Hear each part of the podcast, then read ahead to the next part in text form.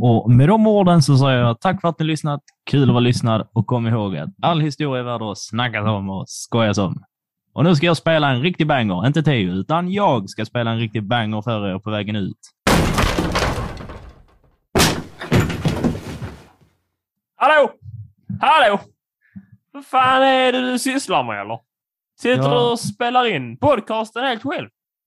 Ja, Utan mig? ja, utan dig. Ett helt avsnitt? Ett helt avsnitt. Vad fan är detta? Först stänger du in mig i flera veckor i jävla städskrubb. Men du fick mat. Ja, jo, visst. Och Fick sen, eh, och sen, ja, och sen går du och spelar liksom... Ta min podd ifrån mig! Ja, Allt som är mitt! ja fast nu, nu, nu är det ju min podd. Eh, Det har jag eh, faktiskt Vi, hade ju, vi gjorde ju detta tillsammans ju. Det var liksom... Ja, nu gör jag det själv. Halva var ju min och du har tagit- det ifrån mig som ingenting. Med min podd. Ville alla det eller? Jag frågade dem. Jag, jag, jag hade ett brandtal faktiskt. Eh, och sa att nu tar jag över helt. Eh, och sen så sa folk, det var till och med en poet som skrev en liten eh, visa om det hela, om att eh, jag var så himla duktig på att podda. Eh, så att det gjorde han. Så att nu är det min podd som jag bestämmer Var det din? över. Det din podd? Det är ju vår... Mm. Min, säg min podd en gång till och jag skjuter ihjäl dig. Jag vill, men ja, alltså det är ju min. Ja, men vad...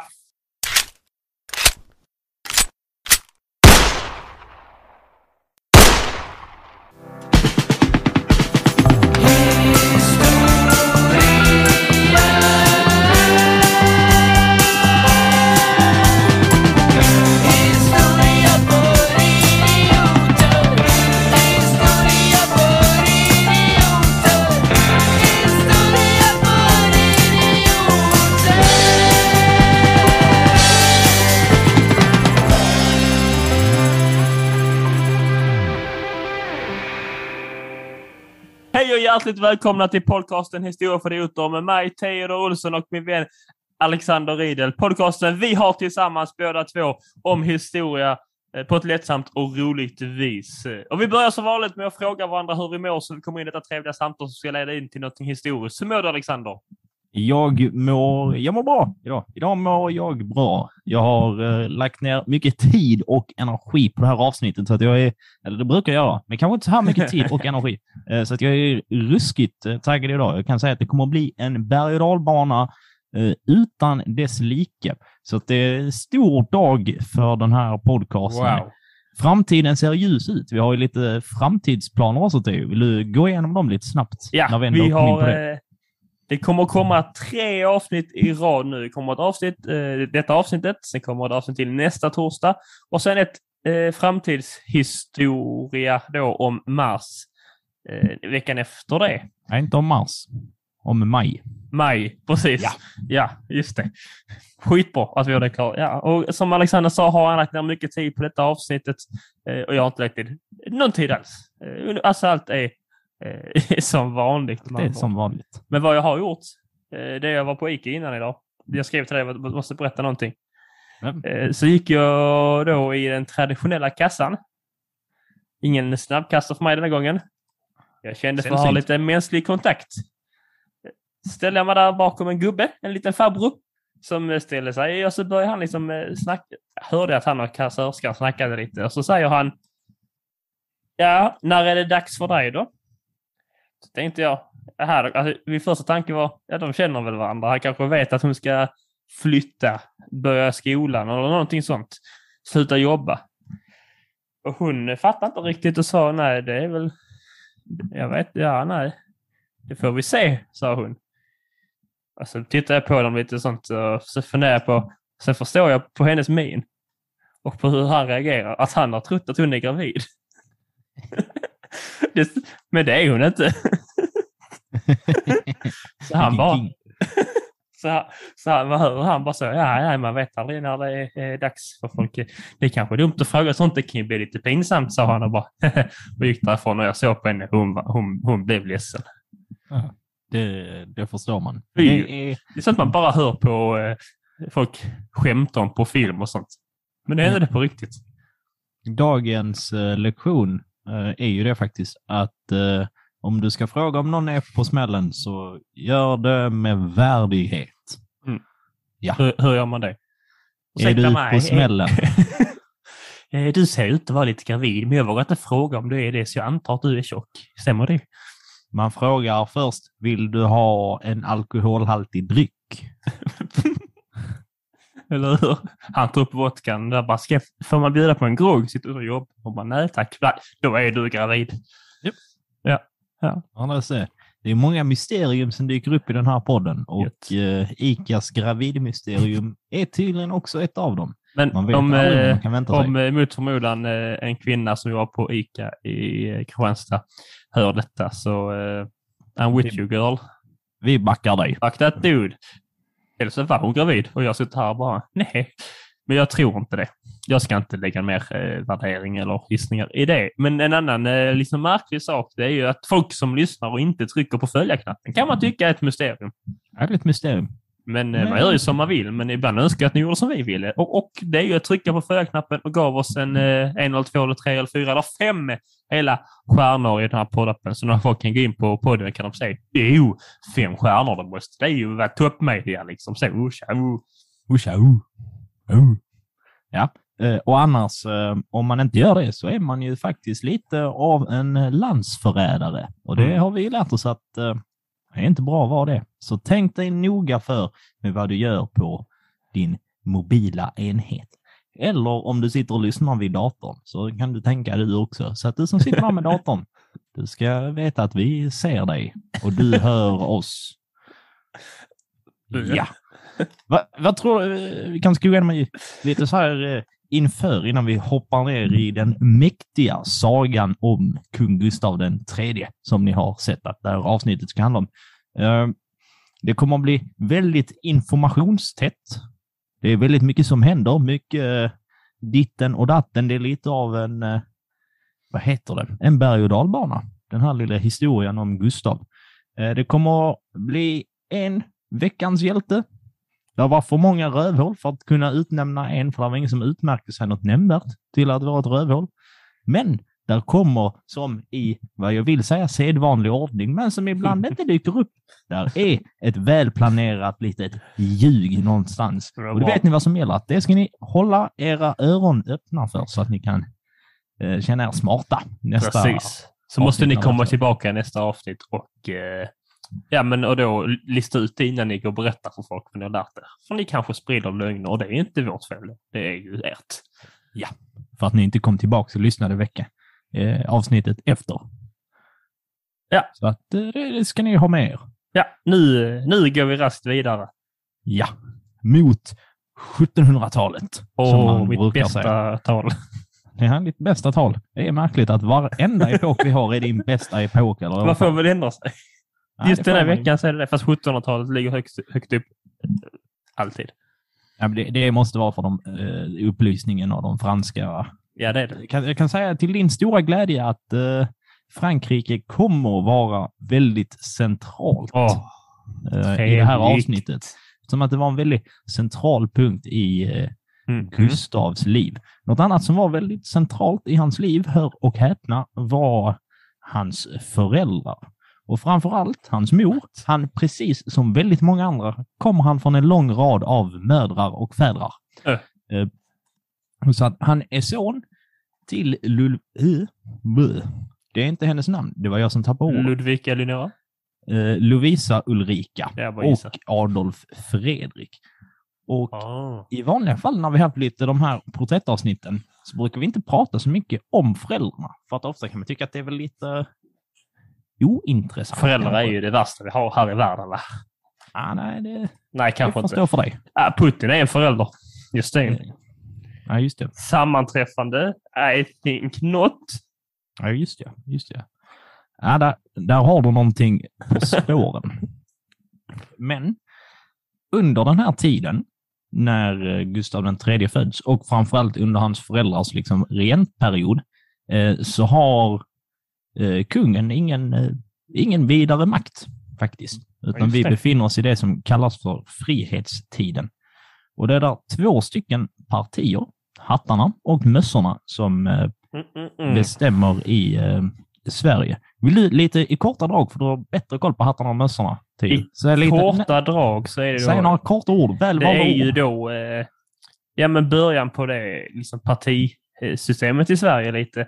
De kanske inte klassas som partier som vi har idag, utan snarare lite så klubbar av olika adelsmän som eh, vill tycka till extra mycket om någonting. Hattar som jag har förstått det är mest bestående av unga människor och eh, officer, och, ja, soldater, unga soldater eh, som är för krig, vill lägga mycket pengar på ut, vad heter det? utrikespolitik.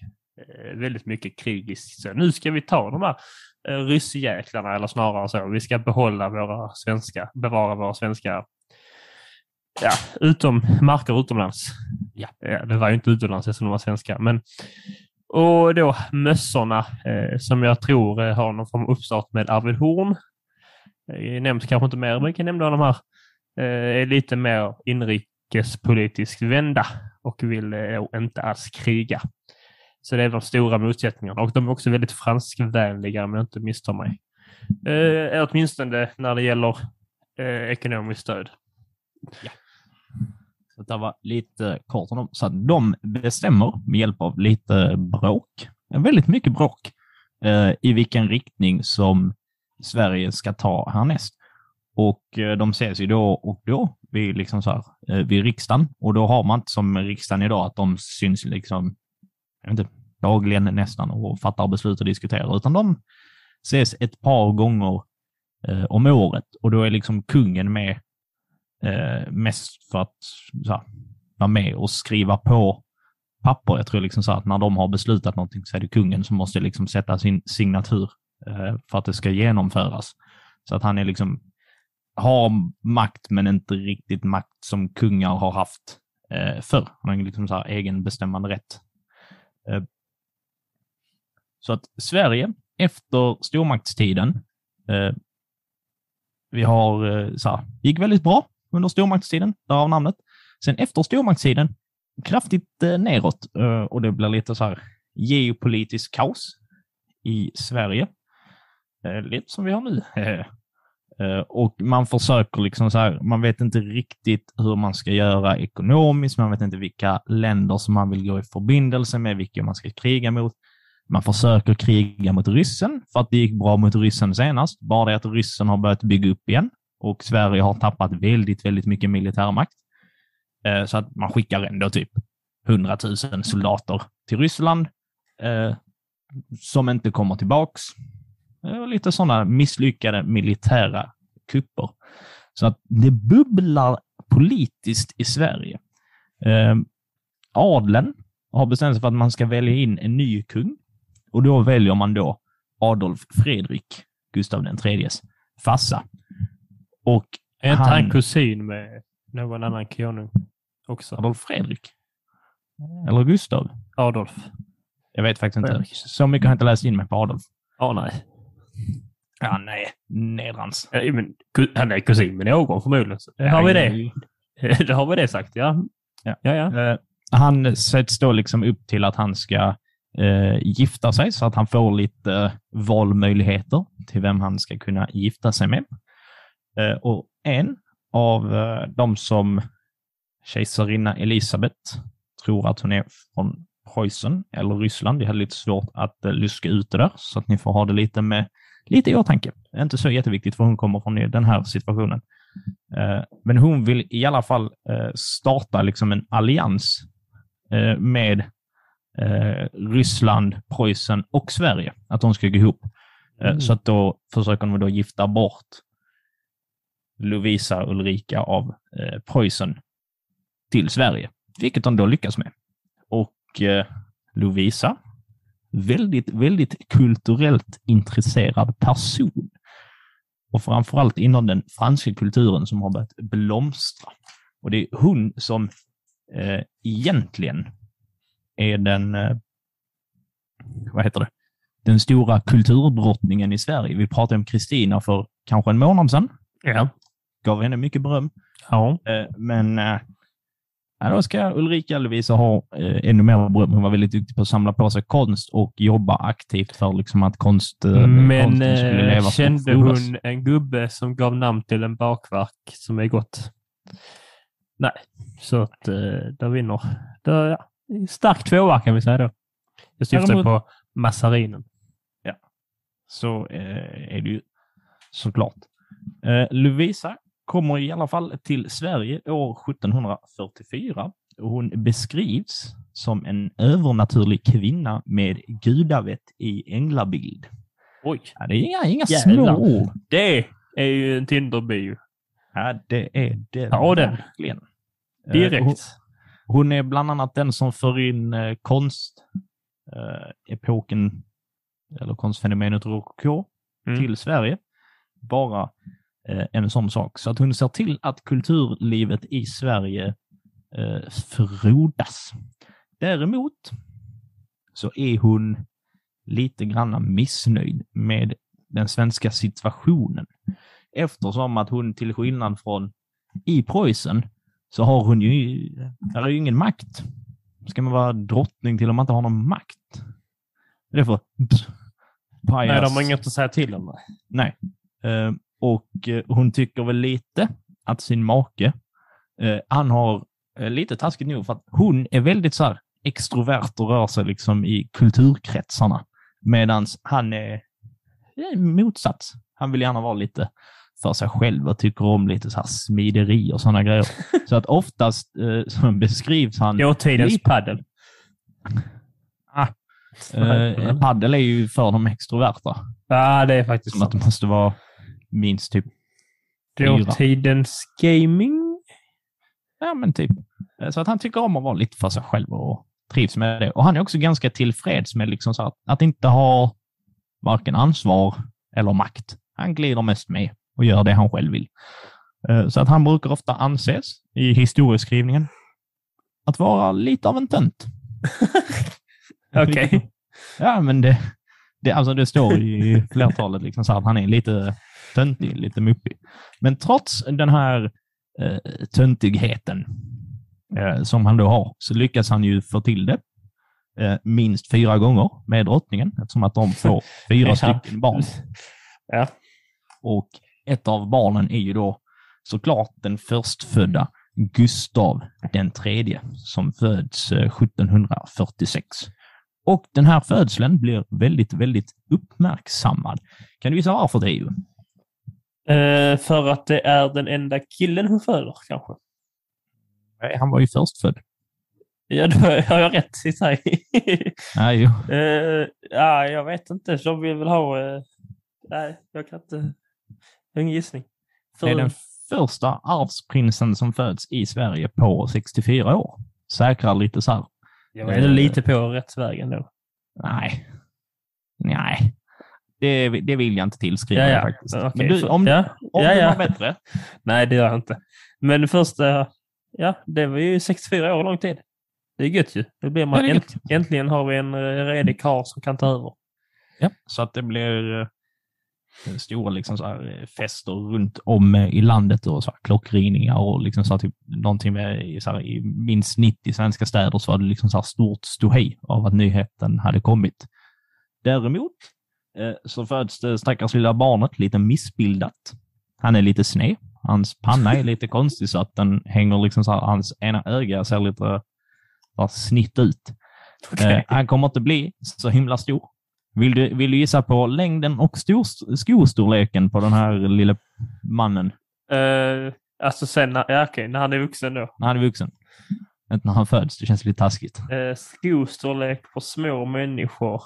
Han har skostorlek 38. Här har du fel. 36.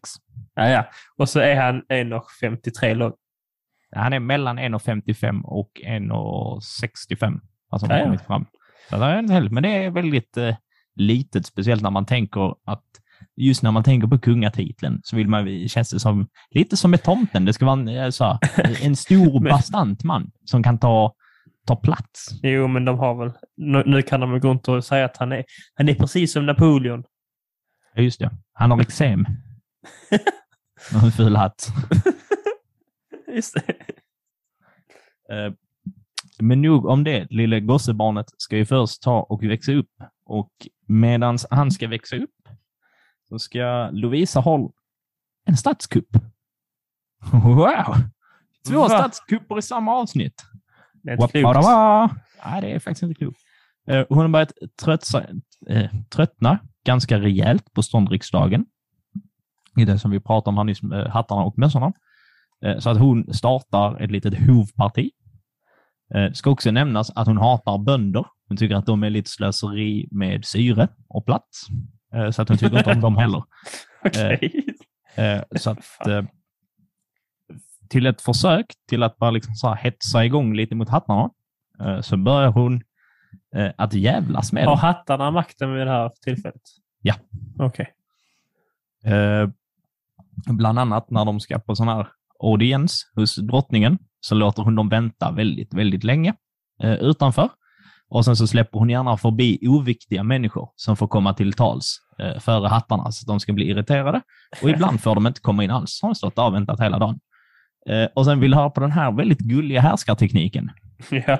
Det är det charmigaste jag har hört. Hon blev min favoritperson i svensk historia på grund av detta. Eh, som liksom så här riksdagsman så hade man tydligen eh, en, alltså så här att vi audienser och liknande, att du då skulle få ha liksom en riktig stol med liksom så ryggstöd och det ena och det andra. Du skulle, skulle kunna sitta bekvämt eh, och liksom så gärna högt så att du skulle se viktig och respektabel ut. Eh, men när de kom till henne, då fick de en pall eller en väldigt, väldigt liten barnstol att sitta på. Eh, så att de skulle se så himla töntiga ut. Och då var det så här, De hade in- jävligt bra hållning. Det rulla in en liten, eller ställa in en liten barnstol och så här, sätt dig ner, annars lyssnar vi inte på dig. Och sen fick de sitta där. Knäna upp till hakan och bara... Jo, nu är det så här att jag tänker mig att vi ska... De bara, förlåt? Vi hör inte, du har knäna vid munnen. Så att, eh, det är väldigt roligt. Eh, däremot, eh, hör och häpna, en Låg stats- ribba dock för att bli rolig, alltså din favoritperson i svensk historia. Du tycker att varje århundrade är ditt favoritårhundrade för att du hörde det här näst. Jag vet inte, du får inte klaga på låga. Eh, I alla fall, Eh, en statskupp eh, kostar ganska mycket pengar att eh, genomföra. Eh, Det krävs lite, lite mutor och lite manskap och sånt kostar. Så att hon börjar sälja av eh, smycke eh, för att finansiera det här. Och eh, där eh, får då liksom så här, eh, vissa riksdagsmän reda på att hon säljer smycke som hon har fått av svenska staten. Det var så här, nej, nej, det där kan du inte sälja av din mupp. Det är ju för fan statens. Eh, så att hon fick eh, plocka tillbaks lite grann, sälja av det som inte märktes att det försvann. Så att hon samlar ihop eh, eh, ganska mycket pengar. Och det som de då skulle göra, eh, det var att de planerade ett uppror, alltså att det skulle ske ett uppror i eh, Stockholm. Så att de liksom så här köpte typ två jag vet inte, garnisoner kanske man kan säga det lätt. Liksom så Två eh, trupper med soldater som då skulle eh, in och eh, slåss mot varandra, men de skulle inte slåss på riktigt. Utan det skulle bara se ut som att de slogs och gjorde uppror. Eh, och då när de höll på så skulle då kungen komma ner och, och prata med dem och visa sin vishet och stoppa Ah, dem. Och, där, och sen så skulle då liksom så här att de här skulle då enas eh, tack vare kungen. Och eh, då skulle allt folk också börja gilla kungen. Och så kommer liksom, och då till slut så skulle man bara, ah, okej, men det är klart att han ska ha all makt. Men kungen var ju inte så intresserad väl? Eller? Nej, men du får tänka att kvinnan på 1700-talet är nog inte superlätt att... Nej. Det, det är en svår kupp att få igenom, där ändå är ett par variabler som ska klicka. Och sen så att de samtidigt så skulle utse, när det finns en kung på plats redan, att de skulle, så att eh, jag tror att hade hon kunnat hade hon nog helst fått makten själv. Ja, just det. Eh, Men att hon, ja, nu får det bli så. Och i och med att han var en sån tönt, enligt alla, Så gjorde han bara vad han blev tillsagd. ja, så hon hade säkert kunnat styra lite. Hur tror du det går för den här kuppen då? Nej, men jag tror inte det går, går an. Eh, vet du, vill du veta varför den inte går an? Uh, ja, det vill jag veta. Det är på grund av en av mina nya favoritpersoner. jag har väldigt många nya favoritpersoner som jag har lärt mig i researchen till detta. Eh, en man som heter Ernst Angel, som Mm. tidigare hade jobbat eh, som kock vid hovet. Eh, han hade fått sparken för att han var lite av en fyllebult. Eh, Ja, ja. Däremot så fick han så tillräckligt med pengar så att han hade liksom öppnat ett café i, i stan. Och på det här kaféet så samlades konspiratörerna för att planera inför uppropet. Eller uppropet. Okej, okej, ja. Och eh, fyllebulten, Ernst Angel, han bestämmer sig ett par dagar innan så att det är nog dags att jag stoppar det här. Eller att jag startar det här uppropet själv. Startar det själv. Så att han försöker dra igång hela upploppen själv. Mitt i, mitt i natten, den här lilla fyllebulten. Eh, blir givetvis stoppad av polisen som är lite så här. Vad håller du på med? Och sen så berättar han då liksom så här planen som de har och att det är så här, det är, så här, det är drottningen som har bestämt. Uh, så här, Tyst med er, jag har, inte- jag har inte tid med er polisen. Jag håller på med ett upplopp. Jag, kan- jag, jag, är, alltså namnet Ernst kopplar man bara till Ki- Keir Steigen. nu, Så att jag har ju den bilden i huvudet hur han eh, mitt i natten bara till en kamera och berättar hur man bara Åh, så är det kan man använda. Det är så trevligt man kan använda allt i sin natur till sådana saker. Den här pinnen behöver inte bara vara en pinne också. Det kan vara en eh, stav, vissa hålla på och hitta, bygga upp någon trappa till sig själv. Jag tänkte att han så lite, jag tänkte mer honom som en Edvard Blom-karaktär. Ja, ja jo. En, så här väl, en väldigt rultig man med så här gäll röst och mycket energi som springer typ i utan skor och liksom en sån här kockhatt. ja, just det. Det är Skit. krig! Här kommer jag! Det ska komma till polisen och han bara, nej men det är upplopp. Upp, upplopp förstår du väl? Ah. I alla fall, eh, planen eh, går ju inte så jättebra. Eh, polisen och då eh, hattarna börjar ju samla in eh, de här eh, konspiratörerna. Eh, och eh, de kommer att bli straffade och torterade.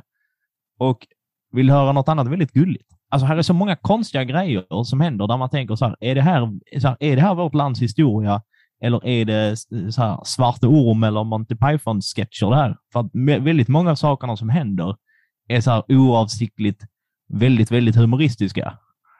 Eh, en man som heter Erik Brahe, som då har varit eh, med som konspiratör, adelsman, ska slängas in i tortyrkammaren. Men han visar upp ett läkarintyg om att han kan inte bli torterad för då dör han. Så han Okej. slipper tortyren. Är den liksom- tidens eh, gymnastik. Och eh, vad det stod så, han är den enda typ registrerade i världshistorien som liksom så har lyckats undslippa tortyr med hjälp av ett läkarintyg. Åh, vad bra. Ja, ja. Eh, Så att han, Det är eh, jätte Monty Python-grej egentligen. Ja, man kan man höra kan hur de dividerar. Bara, Excuse me sir, you can't do this to me. Och så han bara, vad snackar de? Så bara, "Oh, look at this paper. jag är lite nageltrång. det, kan du bevisa det? Du måste ha lapp hemifrån. Ja, men det typ. Uh, lite, den, uh, lite den genren. Men i alla fall, eh, de andra med konspiratörerna, uh, nej, de har det inte lika, lika lätt. Eh, för att de eh, avrättas eh, offentligt, en efter Oh. en, i lite av ett nytt så här, likartat Stockholms blodbad. Lite färre inblandade, eh, men väldigt många av dem. Eh, Lovisa Ulrika eh, får göra eh, avbön och liksom så här be om ursäkt till eh, biskopen. Och är alltså, hon är den som har varit absolut närmast att bli avsatt och liksom klarat sig. För att det är ganska mycket som tyder på att det här borde man inte riktigt få igenom. Men jag tror att i och med att hon inte hade någon riktig makt eh, så tror jag nog att det är väl därför hon så får sitta kvar. Eh, Ja. Men det är liksom så här, det är väldigt nära att det blir liksom både avsatt och av med huvudet. Men så liknande. kungen fick ingen, ändå inga...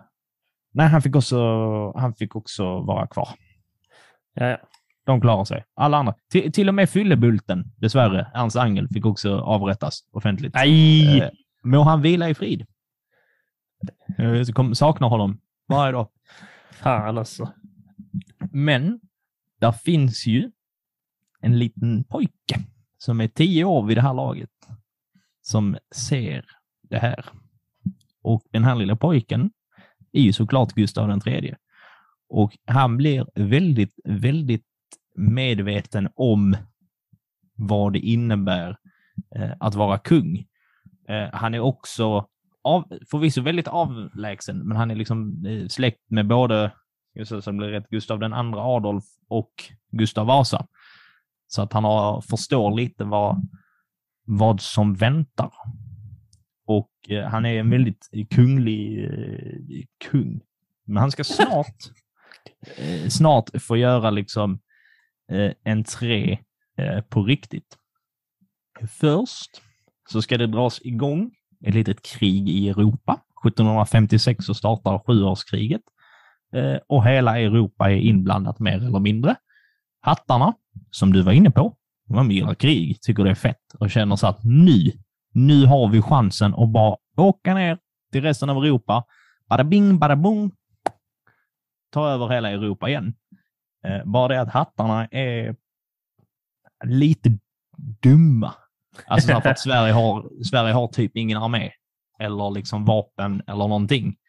Medan Ryssland, ni- så här, det man får tänka på, när vi hör Ryssland idag, dels med tanke på nuvarande situationer, men och att det har varit en stormakt i liksom typ 100 år, att på den här tiden är liksom Ryssland ingen militär stormakt.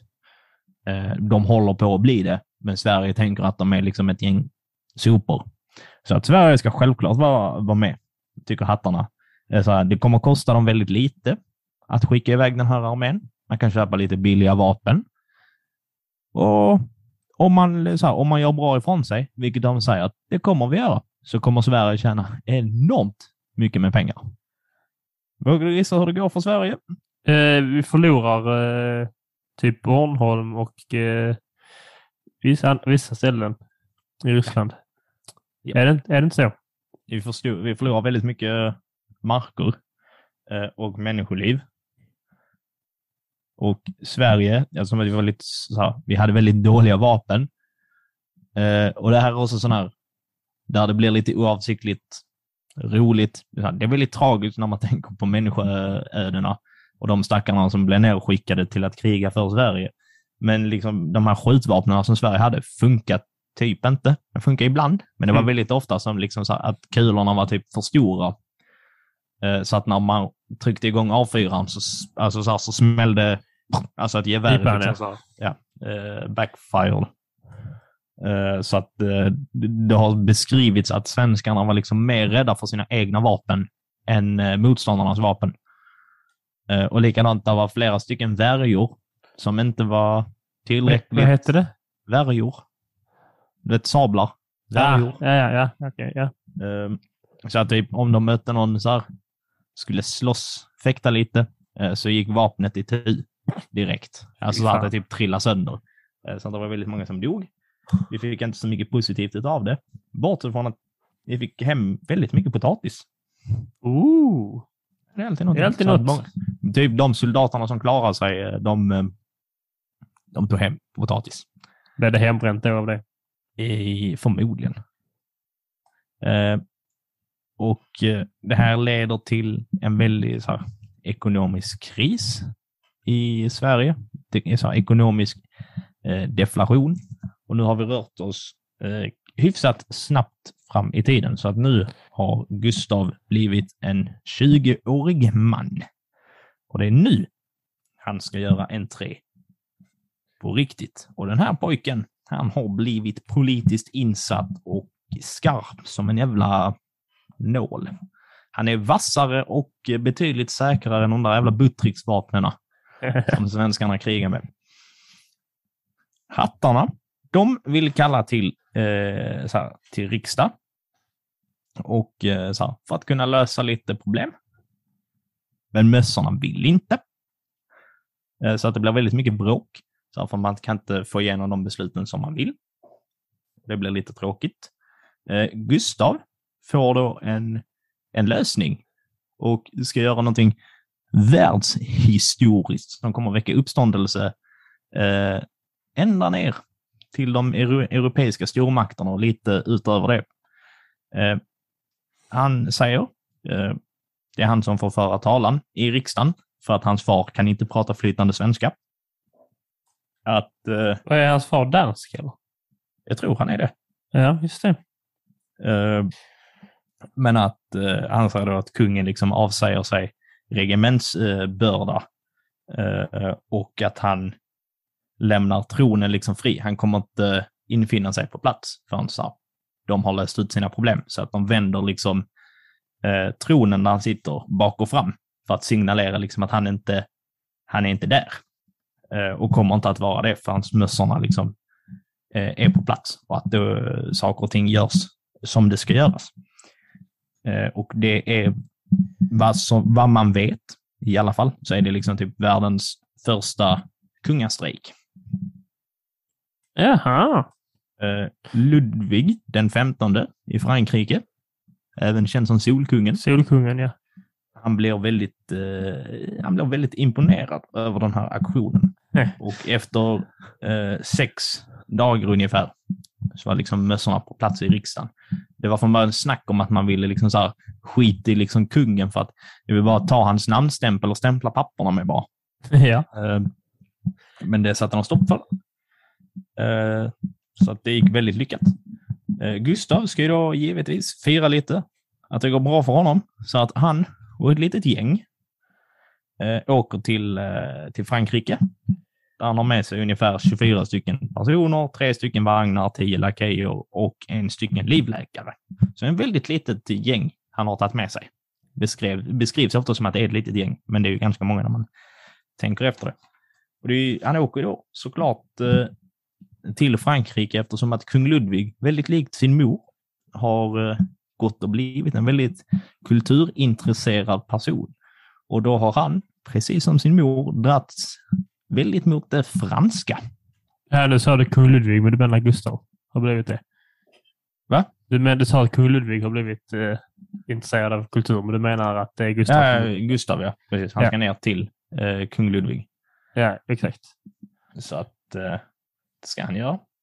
Eh, och han har liksom så här läst på mycket och kan mycket, pratar, pratar och skriver eh, franska på liksom så här fri... Eh, Det är ju väl ändå dip diplomatispråket på den tiden, så det känns som att man är nästan tvungen till om man ska vara så högadel. Och prata Ja. franska. ja, fast alla gjorde inte det. Nej. Och hur har det gått för dem? För Frankrike? Exakt. Nej, för de som inte pratar franska. Pratar vi om, vi om dem nu? Nej. Jo. Du gör det ju nu. Ja, ja vad gör han i Frankrike? Boom, roasted. Eh, han får lite så utbyte eh, av idéer. Och sen så tycker han om att eh, gå på eh, teater. Och när han då går på teater den ena kvällen, så samtidigt hemma i Stockholm så är det lite fest. Hans pappa han tycker om att festa. Och framförallt så tycker pappa eh, kung Adolf Fredrik om semlor. Ja, Han tycker om semlor så mycket eh, så att han, eh, han äter ihjäl sig. eh, Ja. Och eh, avlider. det är inte det mer av en myt? Nej, nej, alltså han äter ihjäl sig. Jo, men det Han på har- en sittning. Eller? Det känns ju orimligt. Nej, det är också väldigt Monty Python. Men Ja, men du får, alltså han har haft ett dåligt leverna innan. ja, därför, han, är- får, han får kanske så hjärtinfarkt medan han Ja. äter semlor. Ja. Troligtvis. japp. Eller en stroke eller något. Ja, någonting. Eh, 1771. ja, den 12 februari. Riksrådet. Nu är det Yes. väl så här ändå att eh, det är inte hattarna som har makten längre, utan det är de yngre mössorna. Har jag för mig nu. Efter lite om och men i, eh, i riksdagen. Det är mycket möjligt. Det är så mycket till och från med dem, vad som händer och vad som inte händer. Ja, men det är så. De har, eh, nu har de yngre mössorna makten och det är lite eh, halvväsentligt egentligen. Kan jag komma till sen, om inte du gör det själv. Eh, Ja, det beror på vad de ska... Ja, det Mm. kommer vi kanske till sen. Fortsätt nu. Ja. Eh, I alla fall, riksrådet utser eh, Gustav den tredje till kung. Vilken fest! Så att man skickar tre stycken män ner till Frankrike för att leta rätt på Gustav och informera om vad som hänt. Och liksom så här, hej, hör du du? Du är liksom kung. Köp, köp, köp, köp. Iväg med dig. Så du kan inte hålla på att vara här. Eh, Men han passar på att vara lite, lite i Frankrike ändå. Eh, Han tycker om att röra sig i den kulturella sfären och han är väldigt, väldigt omtyckt om de andra personligheterna i den kulturella liksom, eh, sfären. Så han är på liksom finare eh, middagar och baler liksom så här ute i Versailles och gör sig väldigt Mm. populär där. Liksom så. så han är väldigt omtyckt och man ser på honom som en, en väldigt duktig eh, person. Vis. Han är väldigt snabb i, i, mannen, i munnen, kommer med snabba repliker. Har ofta något klokt att lägga till också, så han gör sig väldigt bra. Han har som sagt, han har ju tränat hela livet på att röra sig här och nu är han liksom äntligen där. Bland annat så imponerar han på din favoritperson, Rousseau. det är min favoritperson. Ja. Ja. det vet jag inte, men ja. Sa du väl för något avsnitt sedan att du hatar honom? För att han var meningslös och överskattad. Har jag sagt det? Ja. Ja, det ligger kanske inte i det. Ja. Nej, vi diskuterar väl typ att uh, Alexander Bard sa det. Nej. Han sa väl något sånt att det, jag tror Alexander Bard har sagt att det är Rousseaus fel att allt, allt som gått fel snett i världen. Jag vet inte, men det var du som sa det. Ja, ja, jag har inget minne. Ibland säger jag saker som jag inte menar. Va? Ja. Nej, skulle aldrig. Han pratar också med sin gode vän eh, Ludvig den 15, fortsatt Solkungen, samma Mm. Ludvig. Eh, och Ludvig, Kallades han för Solkungen? Han gav sig själv det smeknamnet, men är det för att eh, eh, han såg sig som, eh, som solen och att allt eh, roterade kring honom? Mycket möjligt. Jag vet inte. Jag vet bara, det enda jag vet om honom mer än att han är liksom fransk är att han hade väldigt eh, märkliga läkare vid sin sida. Okej. Han, de drog ju ut typ alla hans tänder. eh, Dr. Mikael, trä. TV4. Alltså när han dog, han dog ganska ung, så var det liksom så han var ju typ ett missfoster, alltså så här Frankensteins monstermissfoster av bara typ så här experiment. Eh, Han kunde ju liksom inte äta själv och sådana grejer. Så att, Fy fan. Eh, I, I alla fall. Att Ludvig ska, eller så många namn, att Gustav ska bli kung är inte jätteomtyckt av alla. Adeln tycker inte om det och inte bara den svenska adeln utan även liksom så här rysk och tysk adel känner lite så att det här är nog inte bra för vår del. För att, För att han är som sin moder. Ja, både det och eh, sen har de ju sett bevis på hans lilla hjärn, på sin lilla sittstrejk. Just att det. han kan få saker gjort och det är farligt. Så att man man börjar pumpa in liksom så här pengar eh, i liksom så här adeln för att så här, med mutor och liksom så här, sätta borgare eh, på plats och få in liksom i eh, eh, riksrådet eh, för att de ska liksom eh, stoppa honom. Se till liksom så här att säkra makten på, på alla möjliga sätt som man kan. Och Sverige i det här läget är liksom politiskt helt åt helvete. Alltså så här, e- den ekonomiska krisen har liksom bara blivit värre. Eh, det har också blivit missväxt, missväxt så att det är en stor eh, del av befolkningen som liksom svälter ihjäl. Man försöker göra sociala reformer som bara misslyckas på misslyckas på misslyckas. Man sätter sig bara i större skulder. Problemen liksom bara växer och växer och växer. Eh, men man försöker då med lite så här konstgjord andning rädda för att i alla fall se till att eh, ståndriksdagen inte ska försvinna. Och man börjar känna att den kan nog kanske göra det med Gustav den tredje. Jag glömde säga, tror jag, att Ludvig rekommenderar Gustav, så för att han vet om eh, vilka problem som finns i Sverige, att se till att liksom ta makten själv. Ja, Just det. Det är klart han gjorde det för att eh, Ja. ja. det går så jävla bra för mig här nu. Ser Ja. du, jag är bäst här. Ja, ja, men alltså de andra som Gu- Gustav träffar där säger typ så här bara, fy fan vad skönt att inte vara rent där borta. Ja. Problem som ni har. Men han tycker det. Du ska du ta makten där och... Ja, jo, klart. I alla fall, i alla fall, i alla fall.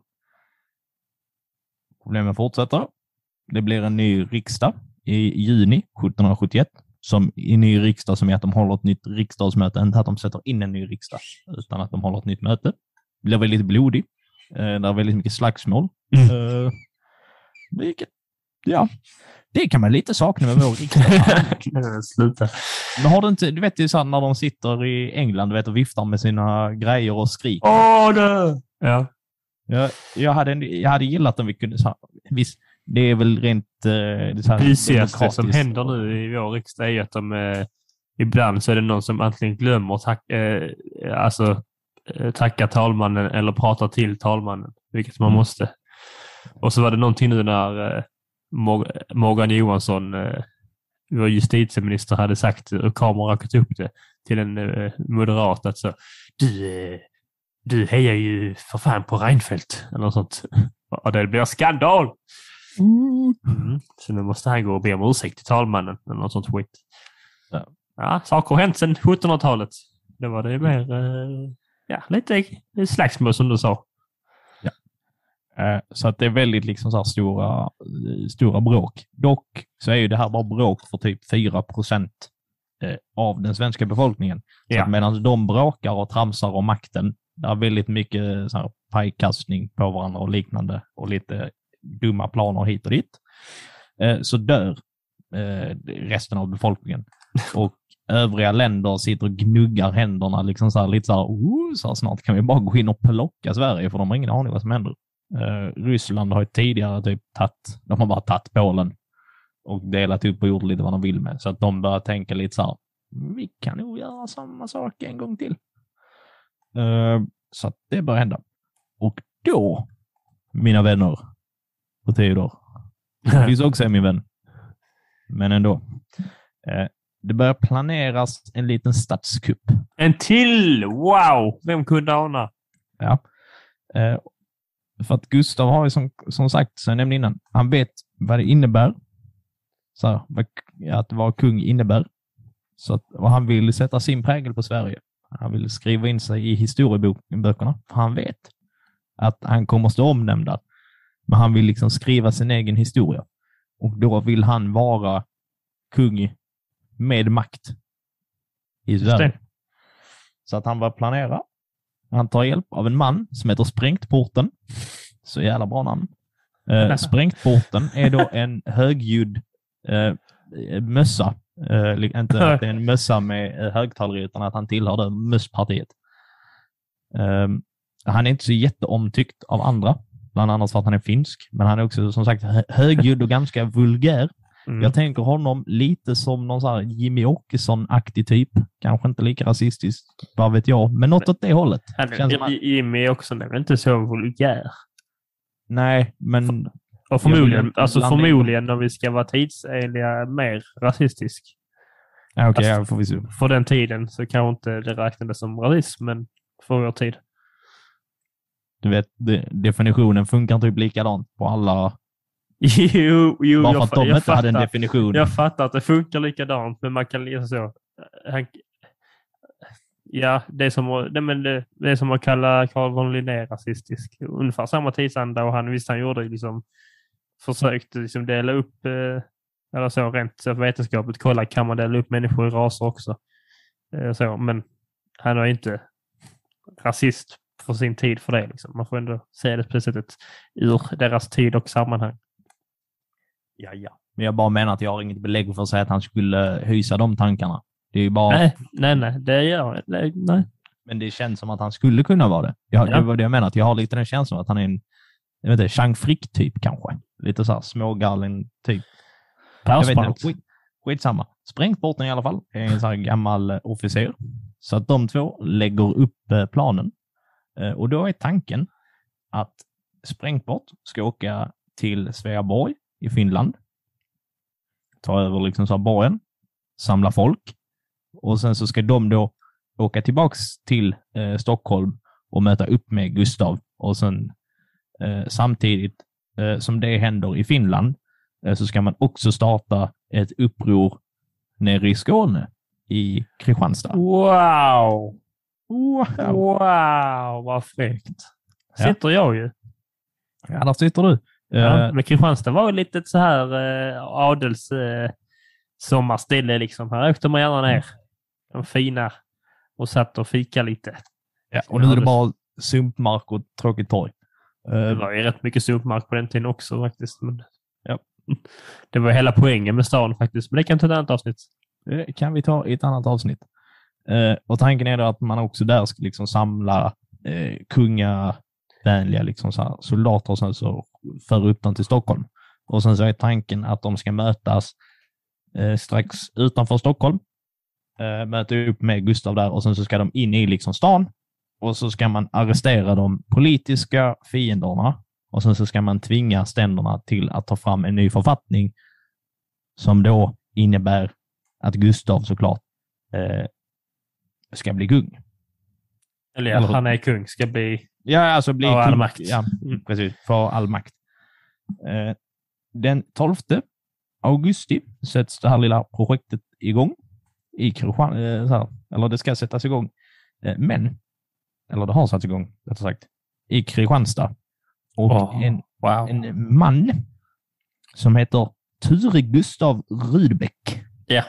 passerar Kristianstad. Han blir och han tillhör då Gustavs fiender, så han märker att han blir stoppad i någon form av så tullliknande grej. Blir han stoppad av två tyska liksom så här inköpta eh, soldater som säger liksom att eh, så här, nicht passieren bitte. Och han är så här lite, jo, jag får passieren bitte, dein Arschloch. Eh, men han blir inte insläppt, han fattar inte tyska, så, men han märker liksom så här bara, här händer någonting som inte känns bra i magen. Och det är inte för att han har varit som den tidigare kungen och ätit för mycket semlor, vad jag vet. Men han rör sig då väldigt snabbt upp till Stockholm för att eh, rapportera om vad som har hänt. Samtidigt i Finland så går det marginellt bättre för att Sprängporten och grabbarna, de har lyckats ta över Sveaborg. Har de sprängt porten? för att och där blev det här min podd.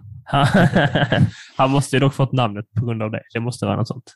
Ja, eller att det är släktnamn någon annan som har sprängt en port, men förmodligen något åt det hållet. Eh, I alla fall, i alla fall, i alla fall. Vädret har dessvärre blivit väldigt, väldigt stormigt och dåligt. Så att trots att de har tagit över borgen och liksom samlat manskapet, utan han var lite så här, "Hej, tillbaks till de forna dagarna. Yay! Vill, så här, hjälp mig att slåss så får ni det bra sen. Yay! Och nej, vi kan inte segla för det blåser. Nej! Eh, Så att de är liksom strandsatta ja. i eh, Finland. Och eh, samtidigt så hittar då Gustavs motståndarna. De hittar ett brev eh, som Gustav har skickat till... Eh, eh, som, han- alltså, han har brevväxlat med no några i Frankrike där de här planerna avslöjas så att de vet att så oh, här bara, oh, han håller på med fuffens. Det här, det här får vi ta och stoppa. Och eh, Gustav får då också reda på så här, åh nej. De vet att det är jag som ligger bakom det. De från Skåne hinner inte hit och de från Finland hinner inte dit. Nej!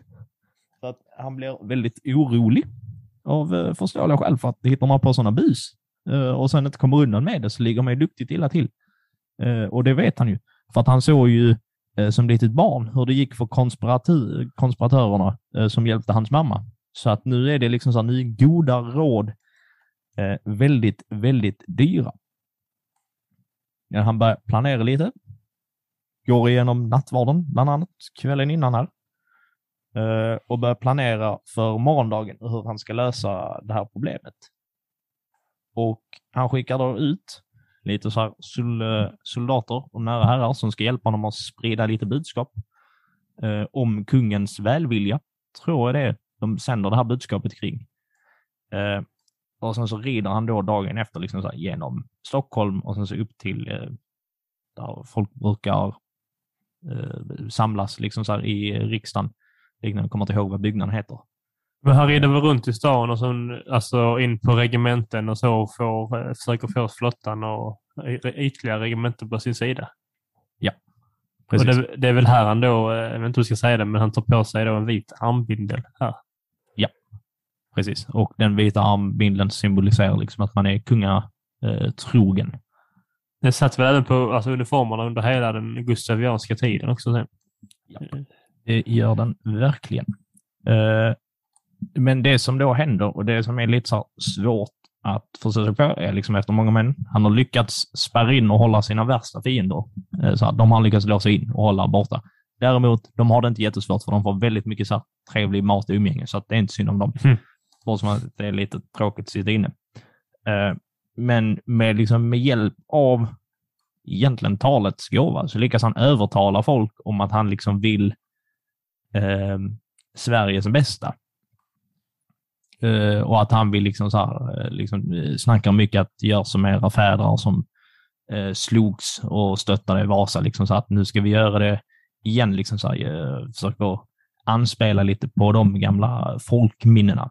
Så han ha- får, han har väl även då eh, hattarna. Det är, det är därför jag nämnde det innan med att mössorna då har makten för Ja. att eh, han får hattarna lite mer bakom sig. För att, men av den anledningen att Ja. de inte alls eh, stöttar mössornas nuvarande politik och då vill de hellre stödja. De tänker bättre vi stödjer kungen än mössorna. Ja. Ja. precis, det också. Eh, jag tänkte att jag undan skippar den biten lite, för det blir så himla klurigt med hattar och mössor. Det är mycket fram och tillbaks. Mm, det är det verkligen. De skiftar lite om och men eh, under de här hundra åren.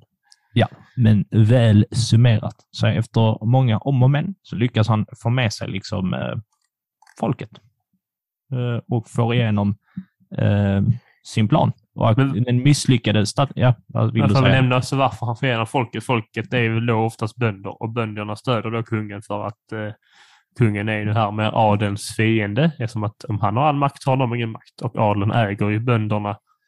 Och det genom att de, kungen, de blir, adel, bönderna blir mer fria om eh, de stöder kungen. Så det är inte bara så att de, folk, det finns ju oftast anledningar bakom att de Ja, ja. stödjer honom. Så det kan vara väsentliga anledningar till upp.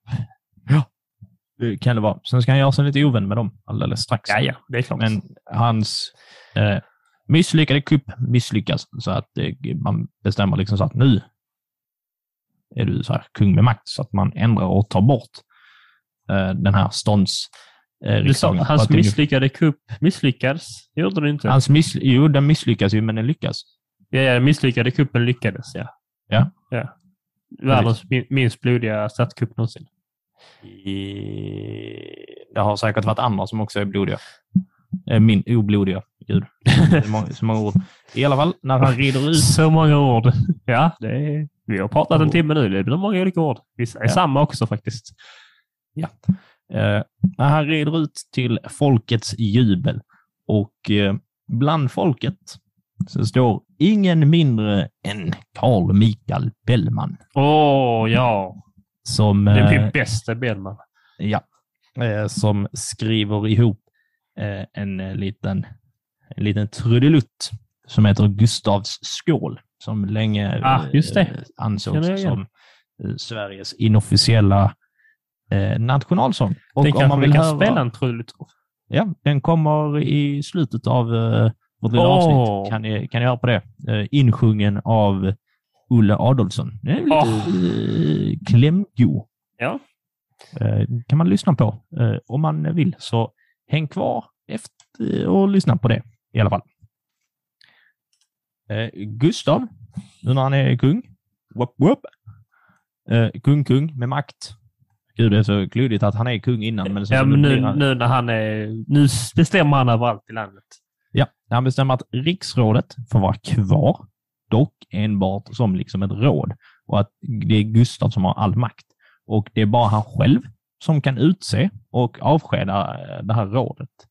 Eh, så att stånden, eh, ständerna har liksom ingenting att säga till om någonting egentligen. De är mest där. Och det kan man ju såklart tänka sig, att de som har haft det väldigt bra i och med ståndssamhället, de blir lite upprörda över det här. Men bortsett från deras missnöje så råder en ganska positiv stämning i Sverige. För att Gustav, som vid den här tiden bara är liksom 26 och har egentligen inte gjort så jättemycket, han är ganska poppis hos de flesta. Så här, bönderna tycker om honom. Så här, de tidigare hattarna tycker om honom. Så här, prästerna tycker också om honom. Alltså de flesta tycker att han är en ganska god kille. Och är så här, hej, vad bra du är. Vi hejar på dig. Det kan, väl, vara- det kan ju vara värt att nämna också en rätt intressant aspekt under den här tiden i Europa, förutom då skuldkungen som- och även då i Amerika så börjar det sakta men säkert växa fram också. Någon, eh, alltså revolutionen, revolutionerna då. Ja. Eh, men så gör vi ändå motsatsen i Sverige under samma tid. Det är lite spännande. Intressant. Han ska, han ska vara delaktig i båda de andra revolutionerna också. Det kommer vi till. Det kommer vi till. Yay! Sakta men säkert. Yippee motherfucker. Han eh, börjar också ändra lite i lagarna. Tortyr kommer att eh, förbjudas. Så nu behöver man inte Ja. längre läkarintyg för att slippa. Ingen ska bli utsatt för tortyr. Man kan heller inte längre bli straffad för trolldom, vilket också är väldigt bra progressivt.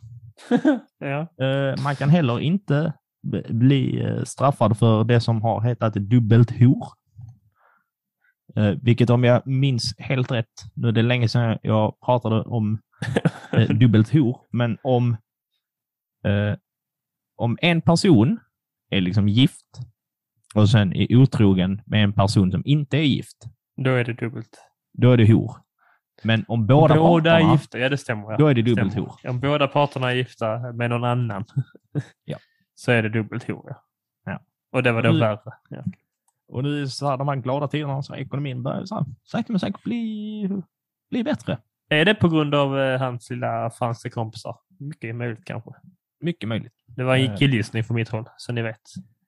Han kommer också eh, grunda eh, stan Östersund och om man flyttar till eh, Östersund så får man pengar för att där ska man bygga en ny Oh. regementsstad. Eh, däremot är det inte jättemånga som vill flytta till Östersund av rimliga skäl. Eh, för att det ligger liksom så här. Det känns som att det är svårt att det är inte många som är sugna om man inte bor i närheten av Östersund nu Mm. som känner typ, hej jag vill flytta upp dit.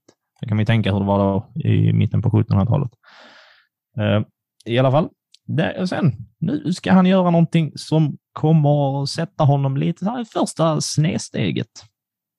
Det finns många saker du kan ta ifrån svensken. Men vet du vad man inte får ta, emot, ta ifrån svensken? Ju Alkohol? exakt. Åh, oh, jag hade rätt! Han inför spola kröken typ Satan. 200 år innan spola kröken. Eh, tidigare hade det från statens håll kommit en rekommendation om att man ska ta sju supar dagligen. Det är den rekommenderade dosen av i, Oh inför um, skaffande av eh, brännvin. Eh, och om du ska på en Varför det? resa som är på, min, på sju mil eller mer, då ska du också ha med dig fem liter brännvin att förtära under resan. Men eh, någonting har måste, de måste ändå gjort tester på detta då. För att kunna göra de här rekommendationerna. Då måste de ändå tänkt lite, lite som den här danska filmen, att de ska alltid vara på ett visst, visst läge. Eh, för att, Ja. eh, vad heter det, ett glas till eller sånt, en runda till. En runda till. Ja, att de ska vara på viss alkoholhalt för att då är det alltid gött liksom. Eh, Ja, bra film för övrigt. Ja, men så då måste de ändå testa så. Ja, nu tar vi en sup. Hur mår ni? "Ja, Jag kan, kan må bättre. Och sen när de tagit den åttonde så bara, nej. Nej. Nu, Mm. nu har von eh, Strömstrut eh, börjat eh, ragga på, på sin dotter här borta, så nu får det räcka. Nu har sprängt porten, håll på igen. Lilla, eller han, Anger. Nu har han varit i farten igen. Det är han som varit experimentet. Det var därför han blev en fyllebult. Ernst. Ja, Ernst. Just det. Ja. Eh, Han var den enda som tog åtta och sen blev han alkoholist. Eh, Det här tycker bönderna inte om, att de här rekommendationerna liksom stryks och man blir strängare med alkohol. Eftersom att för många eh, så var det ju liksom dagligt fysiskt arbete, det var liksom så här mycket sjukdomar så att eh, spriten var liksom så här, den hjälpte folk till att kunna jobba mer och hårdare och samtidigt må lite bättre, vilket är liksom så här tragiskt i sig. Men sen det är bedövande ju.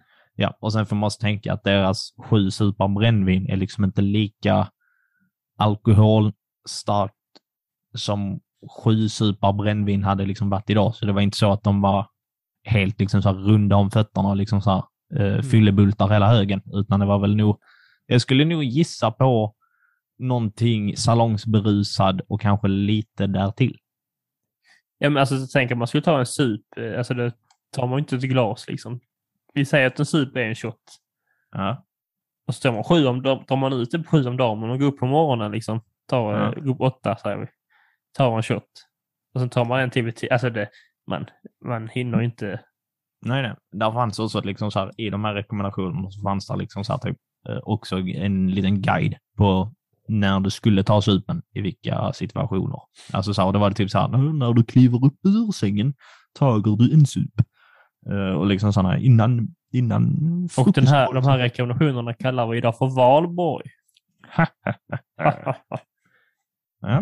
Eh, han ska också, den lille Gustav, eh, införa det som kallas för kronbrännvin.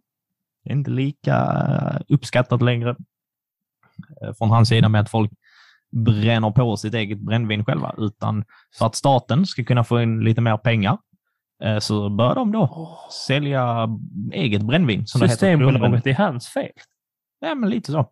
Oj, Och då oj, oj. börjar man på eh, pubbar och liknande, liksom så, här, så sätter man liksom utanför, liksom så här, ritar eh, upp eller skriver, sätter på någon skylt, eh, ritar liksom så här kronans eh, tecken för att Det visa. här, liksom, det här kan vara väldigt rimligt. Det kan också vara ett ljug. Just, jag bara have it out there. Nej, det, det, det är det mest ljugiga jag... För jag är tämligen säker på att semmelgrejen är sann. det är nog sant. Ja, ja det är lätt för dig säger han. alltså, Men, men det här, eh, något av det här med alkoholgrejen kan vara ett ljug. Mycket möjligt. Eh, det får upp till er att gissa. Jag tänker, mycket information i det här avsnittet. Eh, med det här kronbrännvinet så har man försöker stoppa hembränningen eh, så att man har liksom razzior och liknande eh, för att stoppa det. Men det misslyckas ganska så brutalt. Det spelar ingen roll riktigt vad de gör. Och folk väljer att hellre betala Böter. Ja, än att liksom betala det här kronbrännvinet så att det blir ingen jättesuccé. Han stryker också 23 stycken eh, helgdagar så att vi har ungefär en månads ledighet som försvinner. Bland annat en, eh, en fortspridningsdag. Har du hört om det innan? Alltså, eh, eh, är det som jag tänker att det är att det är en dag till att ligga på. Ja, eh, ett par, alltså att det var uträknat, typ så här, två veckor efter påsk. Att man då eh, skulle eh, gå i säng med varandra liksom så för att... Men betyder inte det... Ja, om nu man följde detta så vi, vi, jag- man vet ju att man hade ju sex mer än det. Man födde ganska många barn på den här tiden, även om inte Ja. alla överlevde. Men så ändå så måste det ändå betyda att någon, alltså väldigt många barn är födda på samma tid. Så det är ganska spännande. Och eh, bortsett från den På så året stryks... menar jag då. Alltså så. Ja. Exakt klockan 14.30. Eh, utöver det så stryks eh, också tredje och fjärde dag i jul. Ja, men okej. kan man tycka är väl hyfsat. Vi har ju ledigt eh, nu ändå, men vi kallar inte det det. Eh, judar och katoliker välkomnas också i Sverige. Ah, Däremot inte riktigt helt. nej, Men inte riktigt, det är inte så att man bara steps. säger hej baby välkomna. steps, baby steps. Utan de ska bo liksom i specifika områden, jobba med specifika jobb och de måste också betala en handpenning på, jag tror det är 2000 eh, riksdaler eller något sånt för att få flytta in och bo i Sverige. Men Jag får tänk, ja, man tänker, nu, tänk, nu ska jag vara lite hemsk här, vad man ska säga, men jag tycker ju så här, fan, man känner, man känner mycket mer sympati med judarna här än katolikerna av någon anledning. oj, Ja, men det bara blev så. Eftersom att, ja. okej, racist. Men det känns ändå som rent historiskt så har ju ändå, alltså, var man än pratar så är, så är alltid judarna eh, liksom illa behandlade. Men katolikerna är väl ofta de, eller bland de som ofta behandlar illa, så att säga. Precis. Ja, men just de här katolikerna har kanske inte någonting hemskt, så det är synd om dem. Eh, Sverige är också delaktiga i eh, amerikanska revolutionen. Det här är väldigt roligt. Det är så här, när, det, när, när man tänker på hur mycket som ändå kan få liksom så här stor effekt på grund av ren småsinthet. Alltså där man tänker så att, ja, nu blev det så, men man får också tänka att det hade kunnat bli liksom annorlunda och ibland så glömmer man bort i historien att det finns små variabler för vissa beslut. Till en början eh, så backar eh, Gustav liksom så här England i amerikanska revolutionen. Han säger så här, vi ska inte ha något Amerika, liksom så här, håll inte på där borta. Men sen, sen kapar Storbritannien ett svenskt fartyg. Och då blir Gustav så otroligt arg. Så att han bara vänder sida helt och är typ så här bara, vet ni vad? USA! USA! eh, och liksom backar dem eh, till fullo. Liksom så här, eh, bidrar med liksom så här ekonomiskt bistånd och lite trupper och Oj. liknande. Så han hjäl- hjälper till lite där. Eh, Ja, ja. det, får man ändå, det får man ändå ge honom. Små saker som kan hända ändå. Han eh, inspireras också av det franska kungahuset, hör och häpna. Han gör väldigt många grejer, väldigt många eh, viktiga grejer, lite småsinta grejer och i den här fallen totalt onödiga grejer. Eh, han inför någonting, jag tror, jag vet, det stavas lever på franska, uttalar sig, vill du göra dig på ett franskt uttal? Hur skulle du säga? Om du får den stavningen? Lever. L-E-V. Lever. Så. Antar jag. Jag också, men jag säger så fel så ofta i den här podden, rent uttalsmässigt. Eh, och eh, på svenska är det så här morgonuppstigning, där de absolut närmsta på eh, hovet, de får vara med när Gustav då ska byta från nattskjortan till dagsskjortan. Ho, ho, När han klär på sig på morgonen så är det liksom, Wow. inför annat, där ska de vara med och titta. Så jävla sjukt. Ja, för det gör de i Frankrike, så det vill han också göra. Så att de är med och kollar när han blir liksom påklädd. Ehm, och sen framför allt, han grundar ju Svenska Akademin och jobbar väldigt mycket för den Just det. svenska kulturen. Där är flera han ser till liksom så att de som jobbar och livnar sig eh, på kultur, att de liksom så ska kunna göra det. Så han startar lite eh, ja, stiftelser, stipendium och liknande som eh, stoppar in pengar till dem så att de kan fortsätta med det. Och eh, Eh, Då borde han väl också akademin att skriva ordbok. Ja, det jag. bör- han väl. eh, Jag vet inte just med ordboken, men det känns väl rimligt eh, Mm. på något vis. Men att han grundar Svenska Akademin, det, det gör han i alla fall. Vilken bokstav är den på nu? De är inte klara än. Nej, jag vet inte. De har hållit på nu i över 300 år, men de är inte klara. De är inte på Ö än. inte. Världens långsammaste projekt. Nej, det är väl det här byggandet av La Grande Familia i Barcelona som skulle varit klart för typ 200 år sedan. Ja, men bygger de fortfarande? De Ja, de bygger slutat? fortfarande.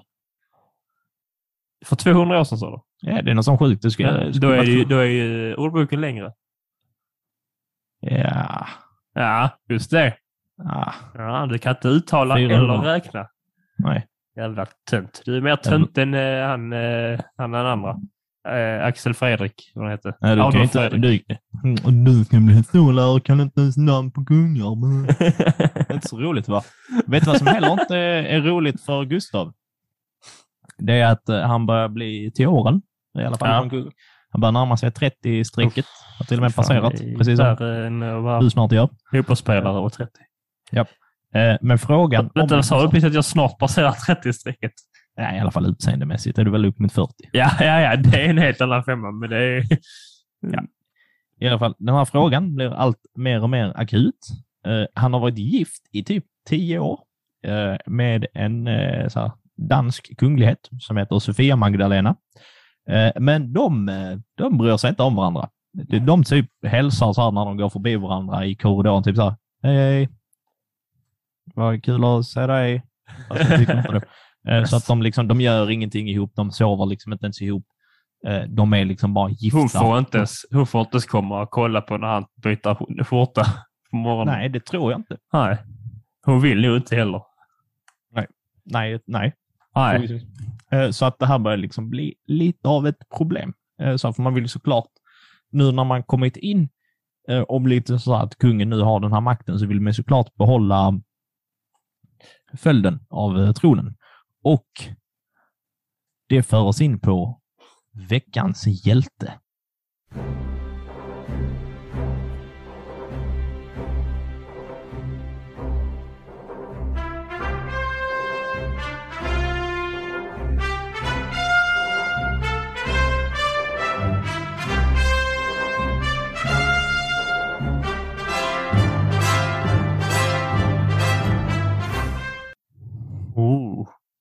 Vem kan detta vara?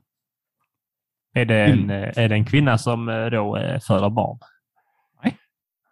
Men menar du att kvinnor inte är hjältar för att föda Jo. barn? Jo, Ja, men det är inte ja. veckans hjälte. Ah, jag vill bara ha det sagt. Ja, bra. Eh, Adolf Fredrik Munch kommer En, att... en till Adolf Fredrik. Det är Jävlar, här är det Adolf-föräldrar. snurrigt alltså. Eh, han har varit eh, i flera år har han varit Gustavs liksom så här, eh, pagé, tror jag det uttalas. Så att han har varit liksom upp, eh, uppassare och det är han som klär på honom dagsskjortan och liksom så här gör dem. Så att han är den som står kungen absolut närmast och eh, konungen själv ser detta som sin absolut närmaste vän.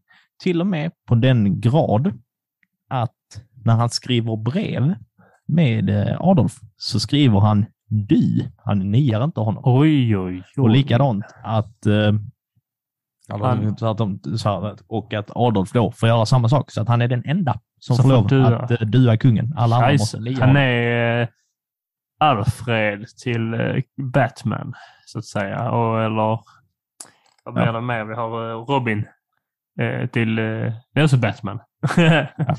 ja. och så, inte, är han då Pluto till Musse? Nej, nej, det kan inte vara rätt. Kalle Anka till Musse. De är väl inte så mycket av en duo. Men de är en, eh, en duo i alla fall. Och har gått eh, åt varandra. Och han får då i uppdrag för att de andra på hovet, de är Hovet, hovet säger så. hovet, Hovet. Ja. Vad du är elak idag.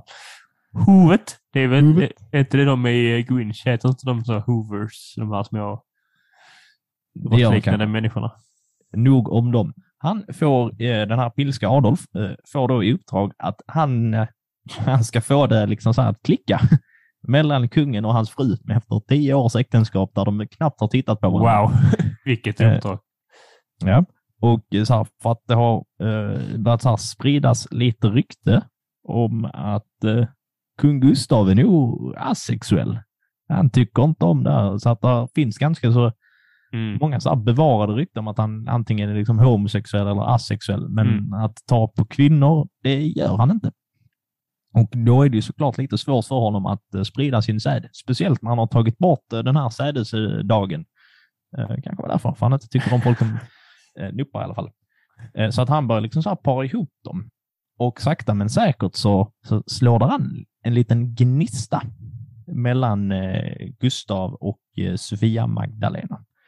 Eh, och de börjar umgås allt eh, mer och mer och eh, de spre, så här, spelar liksom schack och umgås med varandra. Tycker gott om varandra, känner så här, hej, du är inte så dum för att vara min fru. Jag fick en tanke om det- här med sädesdagen. eller det. Nej, det heter inte det. Det heter eh, fortspridningsdagen. Ja. Kan det finnas funnits mm, någon form av idé om att minska barnafödandet och tjäna pengar på det viset? Det kan det Snarare, snarare än, än att han bara så. Eh, jag, jag gillar inte att pöka så ingen annan får göra det. Nej, kan vara. Ehm, däremot, eh, eftersom att hon har varit eh, liksom gift med den här eh, tulpen i så många år, eller tulp är han ju inte, men varit gift, så ingen av dem har liksom snuskat. Ingen har itkat eh, samlag av de två. Eh, så att det blir lite problem. Eh, så att när de ska idka samlag, då får Adolf eh, Fredrik och eh, hovdamen då får de vara med i rummet, men för att de inte ska störa så får de gömma, de får sitta i garderoben och titta på och eh, hjälpa till. Här luktar också, luktar också ljug. I Adolfs alltså, livsbeskrivningar som finns liksom kvar uppe på slottet så har de beskrivit att liksom så här, att det, ibland blev det fel med positionerna och då fick de så här Adolf! Då fick han komma och hjälpa dem på traven så att de skulle hjälpa till. Eh, han fick också hjälpa till med att var, de behövde olja för att eh, ja, kungen Ja, ja. kom inte riktigt in där han skulle komma in. Vad hade man för olja? Hade man så olja? Virgin olive oil. Något sånt. Eh, alltså. Så hovdamen, hovdamen och då Adolf Fredrik Munch, eller vad han heter. Ja. De satt där, i, alltså, antagligen då i en garderob och tittade in i väggen och sen när de hörde sitt namn så... Ja. Fluffer alltså. Ja. Agerade de fluffers? Jag vet inte riktigt vad fluffer säger, men Fluffers är väl inom, antar det, porrbranschen, de som eh, hjälper åt eh, människor eh, med snopp att få stånd då. Eh, tror jag. Eh, nice. Så då kanske då man tänker sig då att eh, möjligtvis att kungen då var asexuell eller homosexuell, att kanske då hjälpte kanske lättare om då Adolf eh, Fredrik Munch var och munchade lite innan han, eh, innan han fick gå vidare till nästa så att säga. Kanske där, kanske där. Till slut, efter många om och men, så blir drottningen i alla fall på smällen. Satan vad nice, tänkte han då. Och det blir jubel. Folk blir väldigt glada. Men det blir missfall. Mm. Så nu är de tillbaka på ruta ett. Eh, De försöker igen. Stämningen är fortsatt god vid hovet.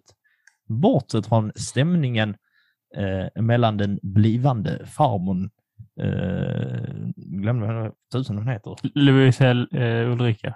Ja. ja. Jag hade vänt på initialen här så jag bara, vem tusen är UL? Eh, men ja, hon och Gustavs syskon börjar sprida, sprida rykten om att här är det något fuffens på gång. Här är det lite hor på gång. Men varför, är, varför ska hon hålla Nu har hon fått som hon ville ju. Ja, men nu är hon sur. Hon tycker inte, hon tycker Ah. inte om det här. Hon vill ha en son som kan pöka ordentligt. Ja, Alla mödrars dröm. ja. men eh, lite så, så att de börjar sprida liksom så här rykte och eh, det skär sig ganska rejält eh, mellan eh, Gustav och hans mamma och då mellan eh, drottningen och eh, Lovisa helt enkelt. Eh, så att den relationen liksom spricker och eh, Lovisa där, hon säger att hon vill, hon vill inte veta av något barnbarn och hon lägger lite så här förba- hon förbarmar dem, lägger så här förbannelser på dem och säger att det här kommer inte... För att trollformer är godkänt nu. Eller Nej, de är, nej, de är olagliga. Nej, de är Nej. olagliga. Ja, Precis. Han hade tagit bort det. sånt? Där sköt han sig själv i foten. Ja. Den lille rackaren. Dubbelt. Eller i snoppen om man vill vara mer. Ja. Typ. Eh, Men det skär sig ganska rejält efter många om och men. Eh, För övrigt, Adolf Fredrik blir till slut även ceremonimästare i, vid eh, hovet. Vid huvudet. Varför heter han samma som kungen? Den före kungen? Det är... Men han är väl döpt när han är Efter. döpt? Det är som att gå och fråga någon så här, varför heter du Gustav? Men då- Är, är han liksom någon, kanske någon, eh, alltså, nu spekulerar jag bara helt här, men är han kanske någon snedsteg från Adolf Fredriks eh, unge? Inte, inte snedstreck, men han har liksom, ja, något eh, åt det hållet, för han har jobbat vid hovet sedan han var liksom ungdom. Så att på något sånt... Så heter, han heter som, han heter som, ja det är det visserligen, men ja, ja, ja. Något Fine. liknande i alla fall. I alla fall, i alla fall. Den 17 november 1778 så föds det ett litet pågasnöre. Gustav den fjärde Adolf. Ja. Och han, gick, här- han gick det inte bra för va? Han gick det ju ganska bra för. Nej. Han, han blev ju inte ett missfall. Eh, Ja, ja, på det. Jag tänkte, ja, ja, nej, det kan man ju argumentera, men han blev ju ändå ett uh, litet misslyckande kanske. Det tar vi en annan dag. Ja. Avslöjar vi inte för mycket av vårt framtida content, nej, då kommer de inte tillbaka och lyssnar på det här redan väldigt långa avsnittet. Mm. I alla fall, eh, man ska fira detta såklart. Kungen gillar ju pompa och ståt, eh, så att man ska i Stockholm göra liksom en stor eh, festival och marknad där, liksom så där hovet bjuder på mat och musik och dans och ditten und datten und i ander katten, som man brukar säga. Eh, och alla blir... Är det som Sjöbo marknad? Här uppfanns vargtröjan. Eh, Och det var väldigt många som ville ha sådana vargtröjor när det är en varg som ylar mot månen. Eh, Så att det blir ännu mer folk än vad man hade tänkt sig. Så att ungefär 100 personer kläms ihjäl under det här firandet och ja, dör. Detta ser ju inte jättebra ut för hovet. Och eh, det, alltså så här att det, redan här eh, så börjar stora delar, stora delar av befolkningen Jag tänkte fråga om det var, det- var, var det då eh, den tidens, eh, var det Travis Scott-konsert då? Astroworld? Oj. Eller var det inte? Eh, ja. Too soon kanske, jag vet inte. nej, too soon. Uh, nej, det är det inte. Nej. De hör inte ändå. Uh, Nej, Alexander. i, I alla fall. Uh, folk, stora delar av befolkningen börjar eh, hata eh, det lilla kungabarnet eh, Gustav, fjärde Adolf, eh, redan där. för, så de börjar hata honom för att det är på grund av honom där är- det är liksom kalajs, men det Ja. kan ju inte han påverka. Så de, de hatar alltså inte den tredje utan de bara, ja, han är fortfarande god. Han, eh, De börjar tycka illa om honom också, men de Ja. hatar kungabarnet också. Ja. Alltså, eh, ja. Den, eh, ett par år senare, 1782, så föds ett nytt litet eh, kungabarn eh, som bara blir sju månader gammalt, eh, som sen dör. Och när det lilla barnet dör så dör också lite eh, relationen mellan eh, eh Gustav och eh, drottningen. De eh, återhämtar sig, inte riktigt. Eh, Och samtidigt i görningarna, Eh, så här, vi får hoppa fram lite för att Gustav ska hålla på och försöka eh, kriga, men det är för mycket och för krångligt att gå in på, så det får vi ta en annan dag. Men kriget slutar inte så väl ut, så att han försätter Sverige i en sån här ekonomisk dålig situation. Sveriges rykte sjunker också lite och folket börjar bli lite så här missnöjda med kungen. De är inte jätteglada på honom. Eh, Men det struntar han i. Han har annat att tänka på. Han är ute och reser och skaffar sig eh, förbindelser. Bland annat god vän med Maria Antoinette och eh, Ludvig Mm. den 16. Som Just sagt, han det. tycker om sina franska kompisar. Så han är ju där en hel del. Är det därför, är det via honom, vad heter han, Axel von, von Preussen, vad han heter? Vad heter han, svensken som hjälper dem? Som, eh, här, ja, det ligger för långt bak i min minnesbank. För ja, men, eh, jag ska ta reda på det, men eh, det är han som man, troligtvis har haft en affär med eh, Marie Antoinette och eh, Axel von Bröm, Brömsen, von Brömsen heter han väl? det gör han kanske. Jag vet Ja. inte. Ja, jag tänkte eh, om det, var, alltså, om det var på grund av kungen att han eh, var där nere. Mycket möjligt.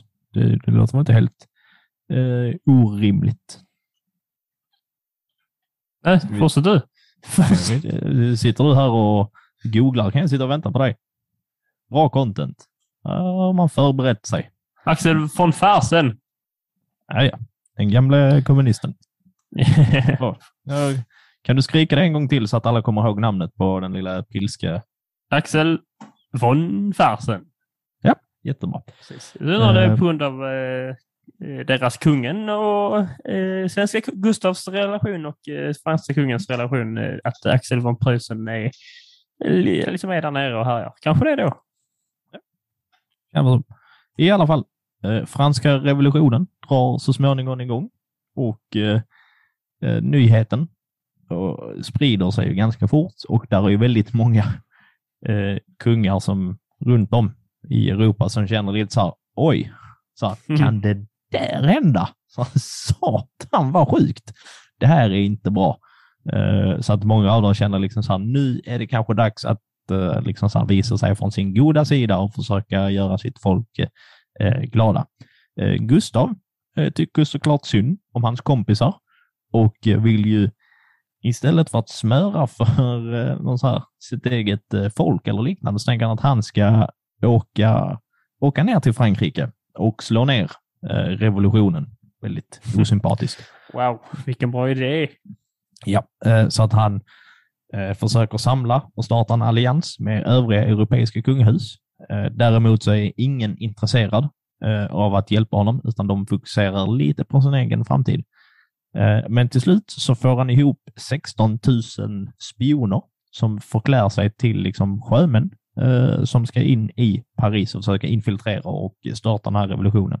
Det här lilla projektet eh, misslyckas, eh, som ni säkert vet att den franska revolutionen går, går framåt. Men han försöker ändå eh, stötta, eller så här, stötta kungahuset. Och ja, Ludvig och Marie Antoinette gick det ju inte så superbra för, trots hans tappra försök.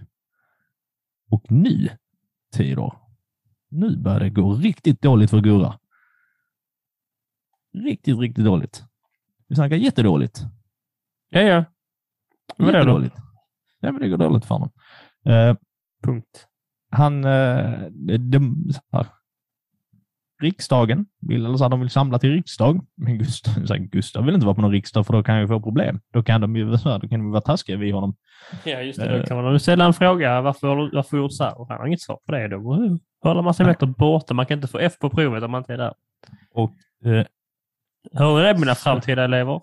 Ja. Sverige eh, har en skuld på 23 miljoner riksdaler. varav 8,8 eller 8,5 miljon av eh, de här eh, finns det liksom ingen förklaring till varför Sverige är liksom skyldiga andra pengar. Eh, Så att då är det förmodligen han själv som har nyttjat dem till eget nöje. Även om ständerna såklart inte har det inflytandet och eh, makten Ska vi förklara? längre. vad- Vi har sagt ständerna ganska mycket. Ska du slå till en kort förklaring om vad ständerna är och ständ, riks, riksdagen är? Är någon som inte vet det.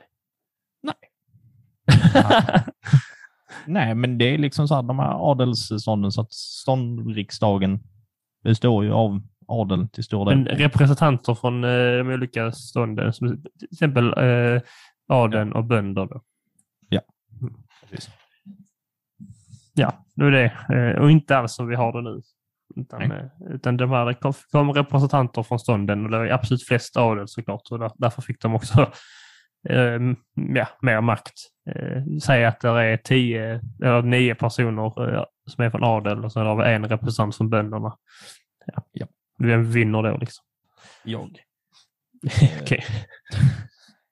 Eh, I alla fall, i alla fall, hur som helst, hur som helst.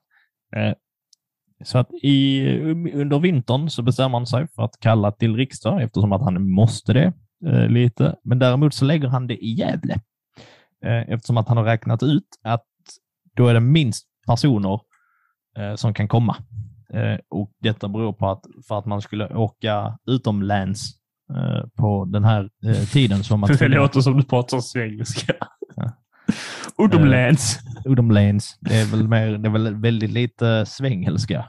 Det är väl mer svensk-danska. Ja, okej, kanske. Eh, Det, att, kän, eh, ja. det känns som att man kunde lagt det längre bort i så fall egentligen. Nej, men de får inte, så här, men han måste ju fortfarande få dit folk och så har han valt att de som kan stötta honom och som vill stötta honom, de kan komma till Gävle. Medan de som inte vill stötta honom, de kan inte komma till Gävle. Okej. Så att han lägger det i Gävle så att ingen ska kunna eh, säga emot honom. Smart. väldigt eh, smart.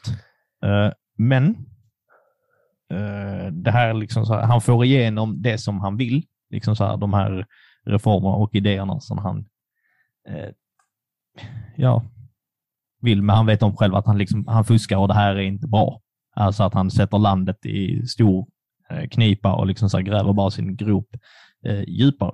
Och på det här lilla riksdagsmötet så sitter där en mycket uppretad adelsman som tack vare att eh, han har all makt och minskade inflytet från adel eh, förlorade mycket pengar och inflytande. Och det är ingen mindre än Ankarström som sitter där och är irriterad. Ja, ja, ja, ja, ja, ja. Berätta mer om honom. Nej, det ska vi göra alldeles strax. Eh, men han hatar Gustav den tredje.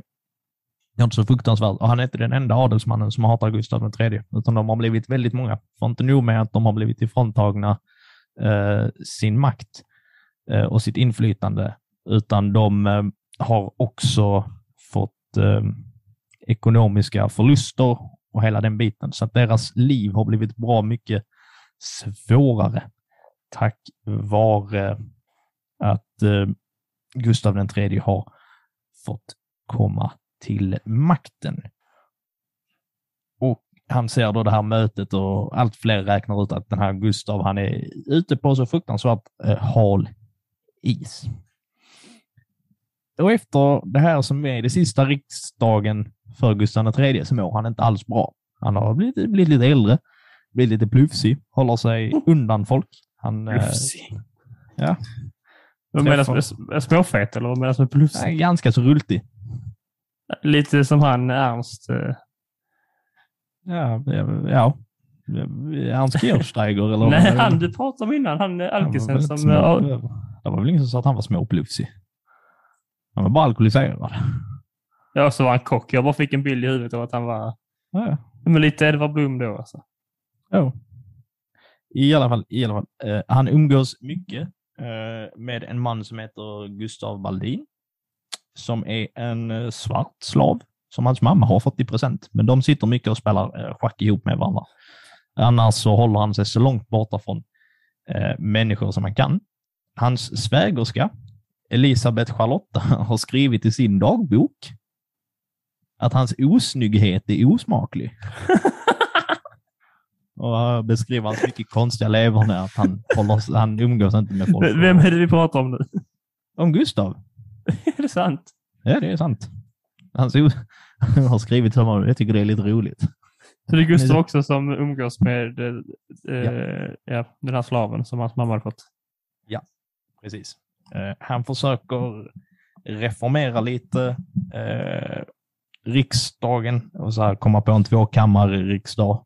Eh, det som du var inne på lite så här, där de olika, där det ska finnas ett över och ett underhus och där Mm. överhuset liksom består av adel och underhuset eh, av bönder och annat patrask. Så det var det som du var inne på, på riksdagen som han var på den sista, så var det fortfarande inte riktigt en grej. Så det var lite för snabb. Men Ah, det är det systemet som vi kommer att ha sen, som han lägger grunden för. Men Gustav III har blivit en väldigt ensam, tragisk liten man. Eh, och Ankarström och eh, Fredrik Horn, de har bestämt sig för att de ska, de är så fruktansvärt trötta på den här pissiga kungen som bara inte gör någonting. Så här, du, har haft, så här, du, du var bra för 20 år sedan, men vad har du gjort sen? Du försätter oss alla bara i, i knipa och du har förstört för oss alla. Eh, så att de bestämmer sig för att de ska kidnappa eh, kungen. Och det här är väldigt märkligt, att när de kommer, så här, kommer till eh, kungens lilla hus, så han är inte på slottet utan han är liksom ute på någon eh, gård någonstans, eh, så hittar de att han ligger liksom så här och ser blek och liksom äcklig ut. Ser inte liksom mänsklig ut. Där han ligger och liksom så läser ensam på någon soffa. Eh, så att de sticker därifrån och rapporterar till polisen om att kungen mått så bra. Vilket är en av få alltså nedskrivna vittneshändelser om liksom så kungens ensamma dagar. Så Att de, det är så konstigt de att springer de- in där och nu ska ta någon så bara... Nej. Ja, Tycker det- jag de måste berätta istället. Han är lite krasslig. Det får bli en annan dag. Precis. Eh, Men argast, eh, eller näst argast av alla, är en adelsman som heter Pechelin. Mm. Eller Pechelin. Jag vet inte riktigt helt hur det Han uttalas. uppfann- Det kan vara Pechelin. Han, han uppfann Piggelinen då, men det har Ja. blivit i genom åren ett nytt uttal bara. Eh, han, han vill störta eh, kungen. Och han är då också liksom en adelsman. Eh, så att han börjar samla liksom ett gäng eh, som träffas på lite olika platser runt om i Stockholm där de planerar hur de ska eh, göra sig av Mycket med konspiration på den här tiden. väldigt mycket. Små hemliga möten och sånt. Det kan man lätt romantisera faktiskt. Ja. Eh, Stockholmspolisen, en man som eller polischefen eh, Liljensparre, är väldigt duktig. Han har ögon och öron överallt så att han vet om att det här försiggår eh, och rapporterar också till kungen. Så att efter mötena så vet liksom, eh, ja, säg att de går ut klockan två på natten från mötet, så typ klockan tio på förmiddagen så vet Gustav vilka som har varit på mötet och vad de har pratat om och sådana grejer. Eh, Så att han vet, han vet om att det är lite farliga tider för honom. Men det tycker han också om. Han var ju som sagt, han var i krig. Det kriget Är man som, egentligen sjukt dålig på att uh, alltså gömma sig då och vara hemlig om eh, även om den här viljestråle, vad han hette, Liljensparre. Sparre, eh, förmodligen var duktig på sitt jobb så känns det ändå som nu för tiden liksom så, är det ju ganska svårt om man ska vara hemlig. Liksom. Det finns ju möjligheter. Vi blir övervakade på alla möjliga sätt. Liksom. Men där är det så, hade de åkt till en annan jävla stad bara. och så- Alltså, Ja, men jag vet inte. det känns ju som att de hade kunnat sig hade- lite mer. Men de vill säkert också, de är ju fortfarande adel och då vill man vara på ett visst sätt och för fin och synas. Så då finns det Jag tror att han hade folk lite överallt. Alltså i olika samhällsskikt.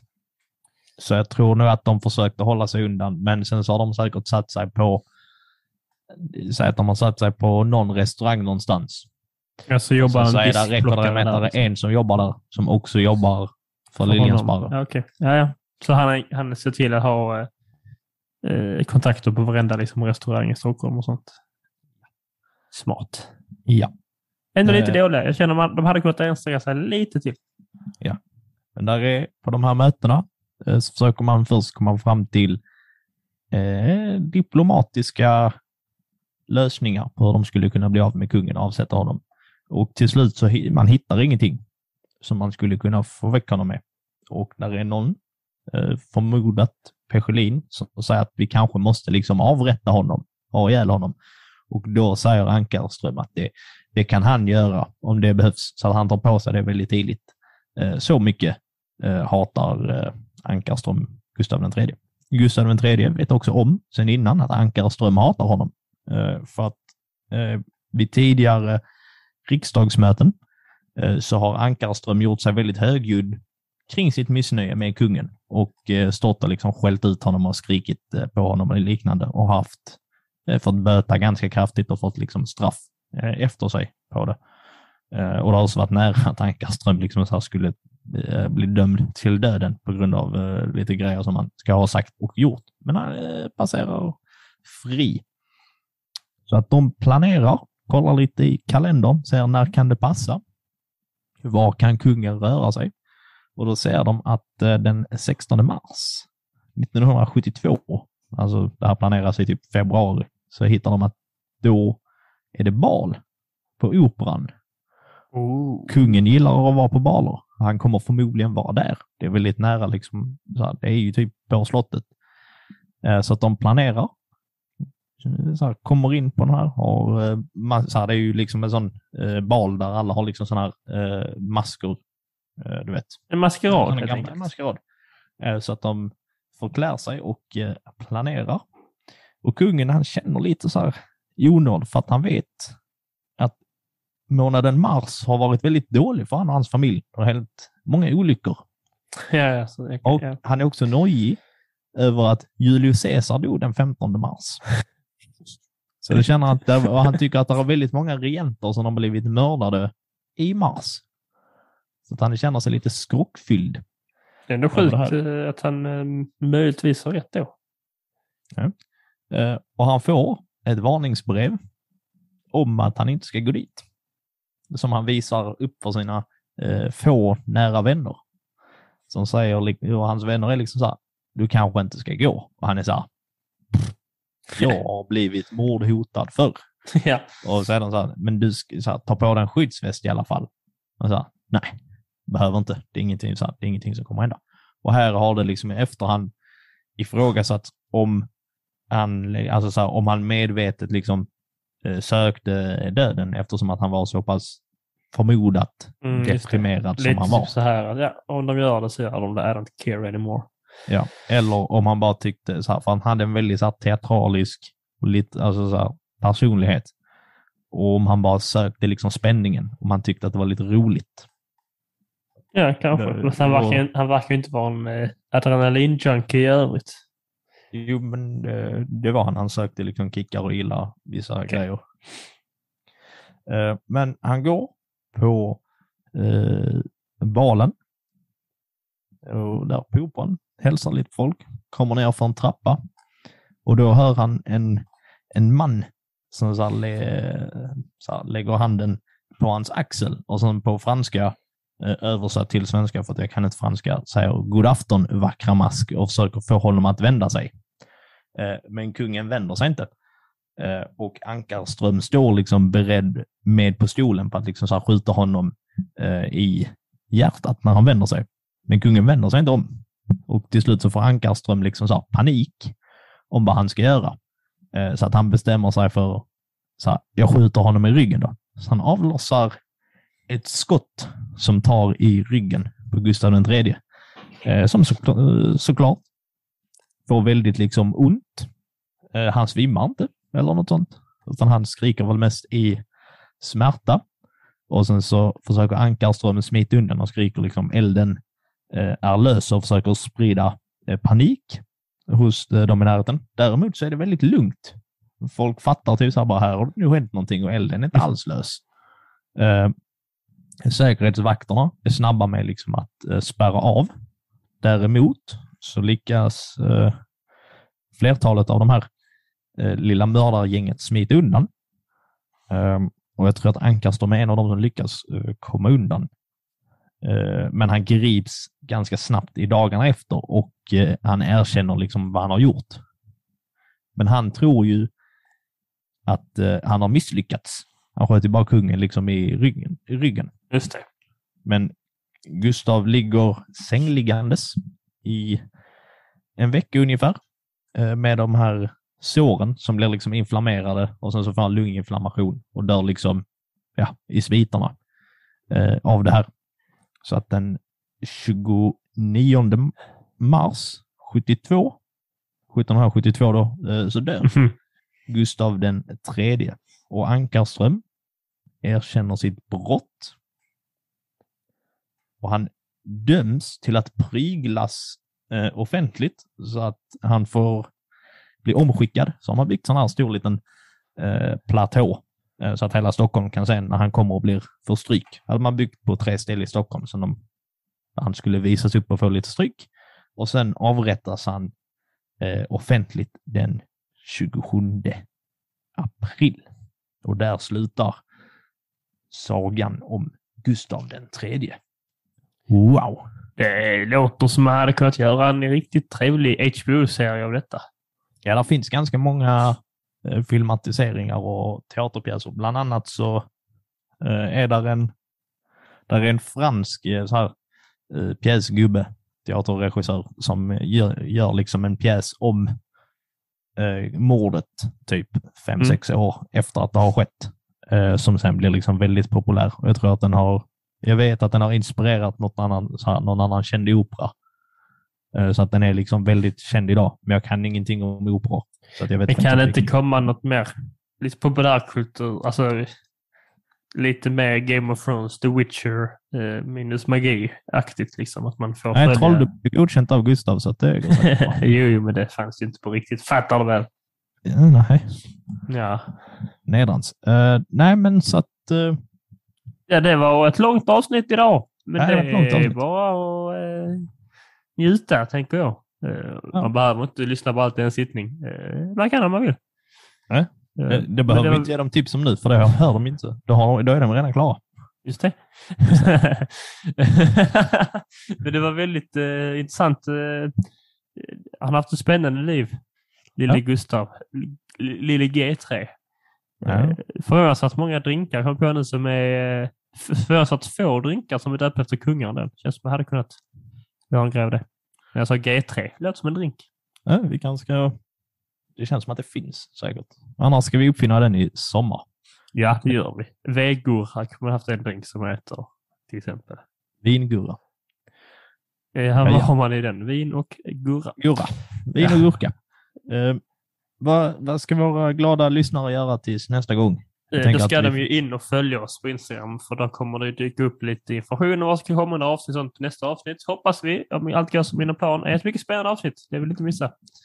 Det vill ni verkligen Eh, inte. och, ehm, eh, ja, och efter det så blir det då framtidshistoria och sen tar vi eh, en, eh, två veckors uppehåll ungefär. Eh, och lämnar er i fred. Ja. Nej, eh, nu skulle ni inte ropa woho! Det var inte meningen. Nu skulle ni bara säga åh. Det skulle bli ledsna, skulle ni bli. Ja, och så kan ni då ge oss stjärnor på de här apparna. Ni vet hur det går till. Följ oss, eh, sök på oss så kan ni följa oss. Tryck på följknappen. Det uppskattar vi. Yes, det gör vi. Och eh, tills nästa gång, kära vänner och lyssnare, tack för att ni lyssnat. Kul att vara lyssnad. Och kom ihåg att alla historier är värda att snackas om och skämtas lite om. Och nu ska jag Theo spela upp lite Gustavs skål för er. Ha det gött! Ha det bra! Gustav Skål, den bäste kung som Norden äger, han ej tål att viktskålen ojämnt väger. Gustav Skål, den bäste kung som Norden äger, han ej tål att viktskålen ojämnt väger. God och glad han ilskans röst föraktar, samt avvaktar och betraktar dårskap i sin grad.